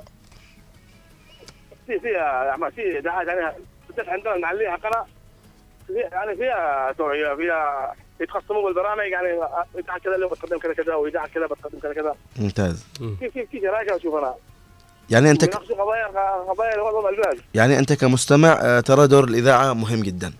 أيوه الجميل ذلك إنه ما فيش إذاعة يعني يعني فيها هو يعني بس فيها أشياء مفيدة. إذاعتنا الخاصه اللي عندنا في جنوبنا إذاعة متميزه صحيح. يعطيك العافية عوض وربنا يحفظك إن شاء الله. وسعيدين إنك تكون معنا وأنت أحد طبعا رواد آه، إذاعتنا. شكرا لك يعطيك العافية. معنا اتصال؟ ألو؟ عليكم وعليكم السلام. كيف الحال؟ الحمد لله طيبين. آه يا الله. نهنئ جميع القطاع داخل الإذاعة امم وهنئ المذيعين والقدماء وال... والحاليين. امم وكل الإذاعات اللي كانت إذاعة عدن هي الباع. امم في في ال... في, اليم... في الجنوب. نعم خالة اسماء آه، ذكرياتك مع الاذاعه هو أنا من محبي الإذاعة ذكرياتي يعني كان آه، آه، جنة الألحان. كانت تجي في الإذاعة. أيوه. وبرنامج عام بن سلمان هذا. والأذان حق رمضان. اللي ينقلوا من آه، كان في الب- اسمه؟ مزيد مسجد أبان. ولا العسقلاني إيه. أيوة. كان بعد مع الفطار كذا. تحس يعني بشعور آه، روحاني. آه، آه، روحاني. مهم. آه، والقبل قرآن يجيبوا وبعدين الأذان. آه. وكل الجميع الإذاعات وإذاعة صوت العرب القاهرة والإندبندنت كنا نسمع حق ده وإذاعة جيبوتي كانوا يجيبوا أغاني اليمنية. يعني نهني جميع ال- العالم والإذاعة القطاع خاصة حقنا وهني كمان هاني مليكان ابن خيو نعم، خلا أسماء. أحمد مليكان وانتو كمان. الله الله يعطيك الله العافيه كلكم إن شاء الله. تكونوا يعني يعني خلا اسماء تطور. للأحسن. إن شاء الله. خلا اسماء اللي وصل له الإعلام الجنوبي اليوم طبعا آه يعني آه اللي وصل له الإعلام الجنوبي والإذاعات الجنوب يعني كإذاعة جنوبية اليوم ما وصل له الإعلام بشكل عام يعني من نجاح. أيوه والله يعني نجاح يعني معلومات و... وأخبار و... يعني إن شاء الله تكونوا من ال- الأوائل اذا بإذن الله تعالى. جميع الإذاعات اللي داخل الجنوب إن شاء الله تحدث حظ جيد إن شاء الله ب- بإذن الله. بإذن الله. ربنا يعطيك العافية. الله مع السلامه مع السلامة. خلاص ما شكرا لك. يعطيك العافية. بالفعل آه اليوم يعني الذكريات آه لا زالت مخلدة في آه يعني آه وجدان آه الناس. معنا رسالة أيضا في آه الفيسبوك. صالح؟ فعلا من دائما اللي هو يتابعنا مجدي شايف ال- الأخرم هذا من أصدقاء ال- الصفحة ومن أصدقاء الإذاعة. بيقول أسعد الله أوقاتكم بالخير. الاذاعه هي نافذة تطل على عالم من المعرفة والتواصل. إنها الصوت الذي ينقل الأخبار والمعلومات وتحمل في طياتها قوة الإلهام والتأثير. الإذاعة ليست مجرد وسيلة لنقل الأخبار والبرامج بل هي أيضا مكان للتعبير عن الحب والتواصل بين الوطن والمواطن. الإذاعة تعزز الانتماء والولاء للوطن من خلال نقل الأخبار والمعلومات التي تخص المجتمع والوطن. يجب أن يكون حبنا للإذاعة الوطنية مرتبطا بمحبتنا لوطننا واهتمامنا بشؤونه من خلال الإذاعة الوطنية يمكننا تعزيز الوعي المجتمعي وتشجيع الشباب على المشاركة الإيجابية في تطوير وبناء وطنهم. فلنحب الإذاعة الوطنية وأن نكون مصدرا للخير والوعي في حياة مجتمعنا ووطننا الحبيب. من هنا نتقدم بالتهاني والتبريكات لإذاعتنا الجنوبية هنا عدن إف إم. في عيدها الخامس منذ الانطلاق والتأسيس كما نهنئكم بمناسبة اليوم العالمي للإذاعة ونحيي كل الطاقم المتميز والمتألق وكل جمهور الإذاعة ومسؤوليها في وطن الجنوب. شكرا لك يا مجدي على هذه المشاركة الأكثر من رائعة. نعم يعطيك العافية مجدي ومجدي دائما من ال- المستمعين الجيدين للإذاعة. معنا نوار اتصال؟ السلام عليكم. وعليكم السلام. آه من معي؟ معكم لطيفة فائد الذكري. الله يحفظك يا لطيفة. كيف حالك؟ تمام؟ الحمد لله تمام. أخباركم أنتم؟ الحمد لله. طيبين. إيش بتقولي في اليوم العالمي للإذاعة؟ هل هناك إذاعات أخرى ممكن تستمعيها غير غير محلية؟ أحب أهنيكم في اليوم العالمي للإذاعات بشكل عام. شكرا. وأوجه لكم تحية وأشكركم على كل ما تقدمونه من برامج. نعم لطيفة. هل ما زالت ال- الإذاعة رغم أنه أعت- أعتقد أنه اليوم تطورت الوسائل ومع تطور التكنولوجيا وجود التلفزيون وجود الإنترنت مواقع التواصل الاجتماعي هل ما زالت الإذاعة بالنسبة لك هي الوسيلة يعني ما زلتي متعلقة فيها أو وسيلة مفضلة لك؟ أيوة الإذاعة شيء جدا مفيد. يعني استفدت منها أشياء كثيرة. بقيت إنسانة إيجابية ومرحة يعني بسبب ما تقدمونه لنا. يا سلام. وأشكركم يعني بالرغم أني صح أني صرت كفيفة في الفترة الأخيرة في عام مم. 2021 مم. ولكن نفسيتي تغيرت كثير بعد برامجكم والله الله يحفظك. جدا على ما تقدمونه نحن سعداء جدا إذا كان وصل تأثيرنا الإيجابي لك في هذه الفترة الصعبة ونتمنى لك إن شاء الله يا رب الشفاء العاجل والكل آه، مريض آه، بيسمعنا صراحة آه، نحن اليوم سعداء بهذا بهذا الكلمة اللي جبتيها إنك إن برامجنا في إذاعة هنا عدن أضافت لك ولحياتك ونفسيتك أي أيوة والله حتى الكل لاحظ علي قال لي يعني هذا الإيجابيين بعد الراديو. قلت لهم أيوة. يعني رجعوا حتى كثير يستمعوا لكم. الله الله يعطيك العافية. وإن شاء الله آه، سعيدين جدا بوجودك. شكرا لك لطيفة. وإن شاء الله آه، تكونين دائما معنا. الله يحفظك. شكرا لك. طبعا آه، صالح ربما هناك يعني تحديات تمر فيها الإذاعات. طبعا أبرز التحديات اللي تمر فيها الإذاعات مثلا مسألة البث الأبراج الكهرباء الديزل هذه كلها. من التحديات اللي يعني تصيب الإذاعة. طبعا من ضمن التحديات أيضا إنه آه، اليوم ظهرت آه، يعني مصطلحات جديدة. مثلا مم. البودكاست.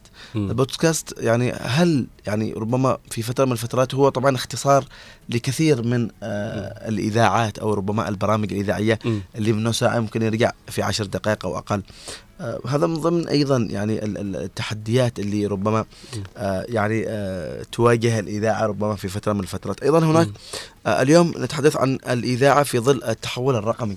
اليوم كثير من ال ال يعني الإذاعات يعني أصبح الناس يقول لك خلاص أنا عندي social media عندي نت. عندي مش عارف إيش ليش عاد أنا يعني ربما التحول الرقمي اليوم أيضا ربما يسهم في تطوير الإذاعات وربما يسهم أيضا في تهديد الإذاعات هو بشوف آه، بالنسبة لتهديدها هو بي بيهددها لكن زي ما قلت لك إنه هذه الإذاعة ما زالت آه، باقية عبر ال- الزمن. آه، بالنسبة للعالم الرقمي أعتقد إنه بيخدم نوعا ما ال- الإذاعة. فظهرت الآن كثير من التطبيقات. عندنا نحن أعتقد تطبيق آه، إذا كان ما بيوصلش نعم. آه، يوصل عبر النت على راديو جارديان و... بالضبط. آه، وكثير يستمعون من آه أمريكا من الإمارات من السعودية ونوجه لهم تحية أيضا. فهذا أعتقد إنه ساعد ساعد الإذاعة إنها توصل صحيح. ويوصل صداها. صالح آه هناك رسائل من الواتساب آه من آه كريمة زيد تقول صباح الخير لكل المذيعين صباح الخير لطاقم إذاعة هنا عدن صباحكم سعادة أشكركم على كل الجهود اللي تقدموها من أجل المستمعين يعطيك العافية. معنا أم مهند تقول صباح الورد والسعادة والنقاء كل عام وأنتم وكافة العاملين في الإذاعة الغالية على قلوبنا جميعا مزيدا من التألق والإبداع والتميز. طبعا الإذاعة عشق لا ينتهي منذ مرحلة الشباب وأنا مدمنة سماع الإذاعة لا سيما الحبيبة هذه ولقد قدمت الكثير والكثير على مر السنين. ربنا يعطيك العافية. تأثير السميع على الانسان أقوى لذلك لا زالت أو لا زالت تحظى أو لا زالت تحظى بأهمية منبر ثقافي يجمع كل الشرائح في المجتمع كل الحب والشكر والتقدير لكم يعطيك العافية. أم محمد تقول صباح الخير على الجميع كل عام وأنتم في ازدهار وتقدم الاذاعه هي جزء من العائلة الاذاعه كانت جزء أساسي من حياتنا بحيث نصحى في الصباح على صوت الإذاعة مع أحمد عمر بن سلمان ومع الدكتور أحمد الشيبة صحيح عليهم رحمة الله. وهو يقدم نصائح لكل أسرة دون ملل أو كلل وصوت الإذاعة يمثل لنا الكثير بحيث نستمع لها من الصباح إلى المساء. محمد العبيدي يقول صباح الفل. الإذاعة وما أدراك من الإذاعة في الراديو. والإذاعة على مرور قرن كامل خدمت الكثير من البشر ووصلت أو وصلت المعلومات وننشر الوعي على مختلف الناس باختلاف ثقافاتهم. ونذكر نحن صغار كنا متعلقين كثير بالإذاعة قبل انتشار هذه الأجهزة الحديثة من وسائل التواصل الاجتماعي. وأذكر في عدن كثير من المذيعين المتألقين منهم محمد مدي والأستاذ القدير عبد الرحمن بلجون والذي هاجرنا إلى هولندا وصار من أشهر المذيعين والخلاصة أنه لا غنى لنا عن الإذاعة ونبارك لشعبنا في الجنوب مرور خمس سنوات على افتتاح إذاعة هنا عدن يعطيك العافية. بعدين يضيف وأذكر كنا زمان نستمع إلى إذاعة صوت العرب من القاهرة وبي بي سي وكمان كما قالت الأخت نور من أشهر البرامج في إذاعة عدن برنامج العلم والإنسان المرحوم الأستاذ أحمد عمر بن سلام يعطيك العافية يا محمد العبادي. أم عبد الله تقول السلام عليكم صباح الخير كل عام وأنتم بخير واذاعه هنا عدن بألف خير وتقدم وازدهار طبعا أبو أمجد يقول أتقدم بالتهاني الخالصة لإذاعة هنا عدن لانطلاقها قبل خمسة أعوام تمني لها دوام التقدم وكمال التوفيق في رسالتها كما أني أشكر القائمين على عليها منذ تأسيسها وإلى اليوم على الجهود المبذولة لدعم الهوية الجنوبية. لقد كانوا الرواد الأوائل ولا يزالون في خدمتهم الإعلامية حتى آه، خلقوا وعيا صادقا بجذورهم وهويتهم الجنوبية من خلال تغطيتهم الإعلامية خالص الحب والتحية لطاقمها الإداري الفني على هذا الإنجاز والنجاح المبهر. يعطيك العافية. طبعا آه، عوض العبيدي يقول إنه آه، الجميل في ذلك اذاعه نور عدن أصبح لها محبين كثير كان الكثير يصعب عليه السماع إلى اذاعه القرآن التي تبث من المملكة العربية السعودية. اليوم نور عدن أصبحت نسخة وسهلة أو وسهل سهل لدخولها في كل بيت. يعطيك العافية يا عوض. يعني آه، الناس آه، لا زالت يعني آه، الحمد لله إنه الإذاعة محتفظة برونقها صالح. أكيد. برغم إنه أقول لك أحمد التحول اللي صار للإذاعة والتغيير والتطور وأيضا في برامجها في قوالبها. في في شكلها آه، في بعض الإذاعات المجتمعية آه، في بعض الدول آه، ممكن نقول الأجنبية أو الدول العربية أصبحت خلاص كسرت الحاجز. شفت في في الاستديو خاصة صحيح. إنه بتلاقي المذيع آه، يهدر عادي ويتكلم ويضحك و... ولدرجة إنه يشرب آه، قهوة ولا. يشرب ماء. يعني خلاص بيطلع معك وهو بيشرب. هو أيوه يعني ال- القصد إنه خلاص يعني آه، يعيشك إنه يعني عايش معك الجو. يعني ما فيش تصنع. مم. وهذا الجميل إنه يعني آه، طبعا هي في ضوابط طبعا للإذاعات آه، حتى اللهجة يعني أو اللغة. يعني اليوم يعني نستمع لبعض ال- الإذاعات إنه فيها لهجه عامية كثيرة يعني صح إنه أحيانا آه، لازم تكون لغة آه، اللغة آه، بيضاء يعني أو مم. لهجه بيضاء ما صح. تكونش لا فصحى ولا عامية بحيث إنك تسقط قيمة ال- ال- الإذاعة و- آه، لا زالت الإذاعات ال- ال- الرسمية محتفظة باللغة العربية الفصحى محتفظة برسالتها الجميلة والاذاعات المجتمعية أيضا لا زالت تقدم محتوى طيب رغم قلت لك التهديد في اللغة يعني. خلاص من بكرة بجيب لك واحد شاي حليب عدني هنا وحطه ونطلع في البرنامج و... إيش رأيك بالله؟ والله ما عنديش مشكلة عادي. آه اللي أقصده إنه آه يعني آه يعني العفوية العفوية. أيوه العفوية بالضبط فضل. هذا اللي نحن ال- خلاص أص- يصبح الصوت أو يصبح صوت المذيع آه، وكأنه موجود مع ال- مع وهذا اللي حصل. وليش أصلا عملوا في الإذاعة مؤثرات صوتية؟ يعني تلاقي مثلا المؤثرات الصوتية أصلا آه، تعيش ال- المستمع الجو. فحتى مثلا نوار لما يطلع أحيانا مع ال- الزملاء في البرنامج يعني بالذات بالذات مع الزميلة رؤيا مثلا في البيت وداخل نسمع ال- ال- الأفيهات والضحك والكذا هذا شيء جميل يعني. بالنهاية إيش؟ إنه آه، في آه، ردة فعل في ضحك في بسمة في ف آه، يعني إيش؟ يعني زي ما يقولوا لك في علم التنمية آه، أنا أنا فاقبلني كما أنا. يعني بالنهاية أنا- يعني أنا أعيش حياتك أعيش. همومك صح. أتلمس آه، يعني آه، تصحيح للوضع زيك. ف آه، يعني بالنهاية أنا هنا في أي إذاعة كنت صوت مواطن. يعني أوصل رسالة إيجابية وأوصل رسالة تصحيح لكل شيء. لازالت الإذاعة محتفظة بقيمتها ورونقها. وإن شاء الله يعني في اليوم العالمي للإذاعة آه نستطيع آه نتغلب على كثير من الصعاب على كثير من الصعوبات. و- وللأفضل إن شاء الله طبعا قطاع الإذاعة والتلفزيون طبعا نعم. بقيادة الأستاذ عبد العزيز الشيخ آه لا زال يسعى إلى تطوير آه الإذاعة طبعا والقناة صحيح. أيضا نشكرهم وإن على شاء الله. يعني مزيد من التقدم صالح أحمد آه كمان الإذاعة لا ننسى يعني أكيد بيسمعونا الآن آه فنانين أو لهم باع في الفن وكذا. آه لو تشوف أغلب ال- ال- الفنانين اللي على مستوى مثلا آه منطقتنا الجنوبية أو المنطقة العربية يقول. لك أنا بدأت أو صنعني ال- الإذاعة. أول أغنية لي في الإذاعة. فهنا هنا هنا أهمية الإذاعة تكمن. كمان أحمد أنت عرجت على في بداية البرنامج. المواهب. أيوه. إنه الموضوع آه، كيف تاريخك أو إيش الابرز الذكريات لك في ال- في الإذاعة؟ أنا بالنسبة لي الإذاعة شك من الأشياء اللي شكلت شخصيتي وشكل آه، شكل فكري. يا سلام. شوف لي ذكريات حلوة مع الإذاعة. دائما أنا تجيني هدايا كانت مسجلات اهو. والمسجلة يعني شريط. كاسيت وفيها إذاعة آه طبعا أنا من أبناء مثلا آه نشأت وتربيت في في ريف في منطقة ريفية. فدي كانت من أجمل الهدايا اللي توصلني. تخيل وكمان من يوم ما وعيت على الدنيا وجدي كان حب إني ال- ذا اللحظة يعني جدي الله يرحمه كان مستمع يحب الإذاعة. تعرف يعني منطقة ريفية كان الإذاعة بالنسبة لنا اليوم آه، فيسبوك وتويتر مفهوم. و social media يعني. تعتبر طفرة يعني. أيوه. فأقوم الصباح إلا وألاقي جدي مشغل الإذاعة. طبعا يسمع كل الإذاعات المحلية والإذاعات العربية. هنا بديت أنا آه، أتداخل مع الإذاعة أنسجم. مع الإذاعة. أتآلف معاها بديت أحبها بشكل كبير. وسبحان الله شوف بداية نشأتي وجعلني في يوم من الأيام ما اروحش تخصص آخر. يعني من الأشياء اللي كونت خلاك تتجه للإعلام. اتجاه للإعلام واتجاه لل- للإذاعة.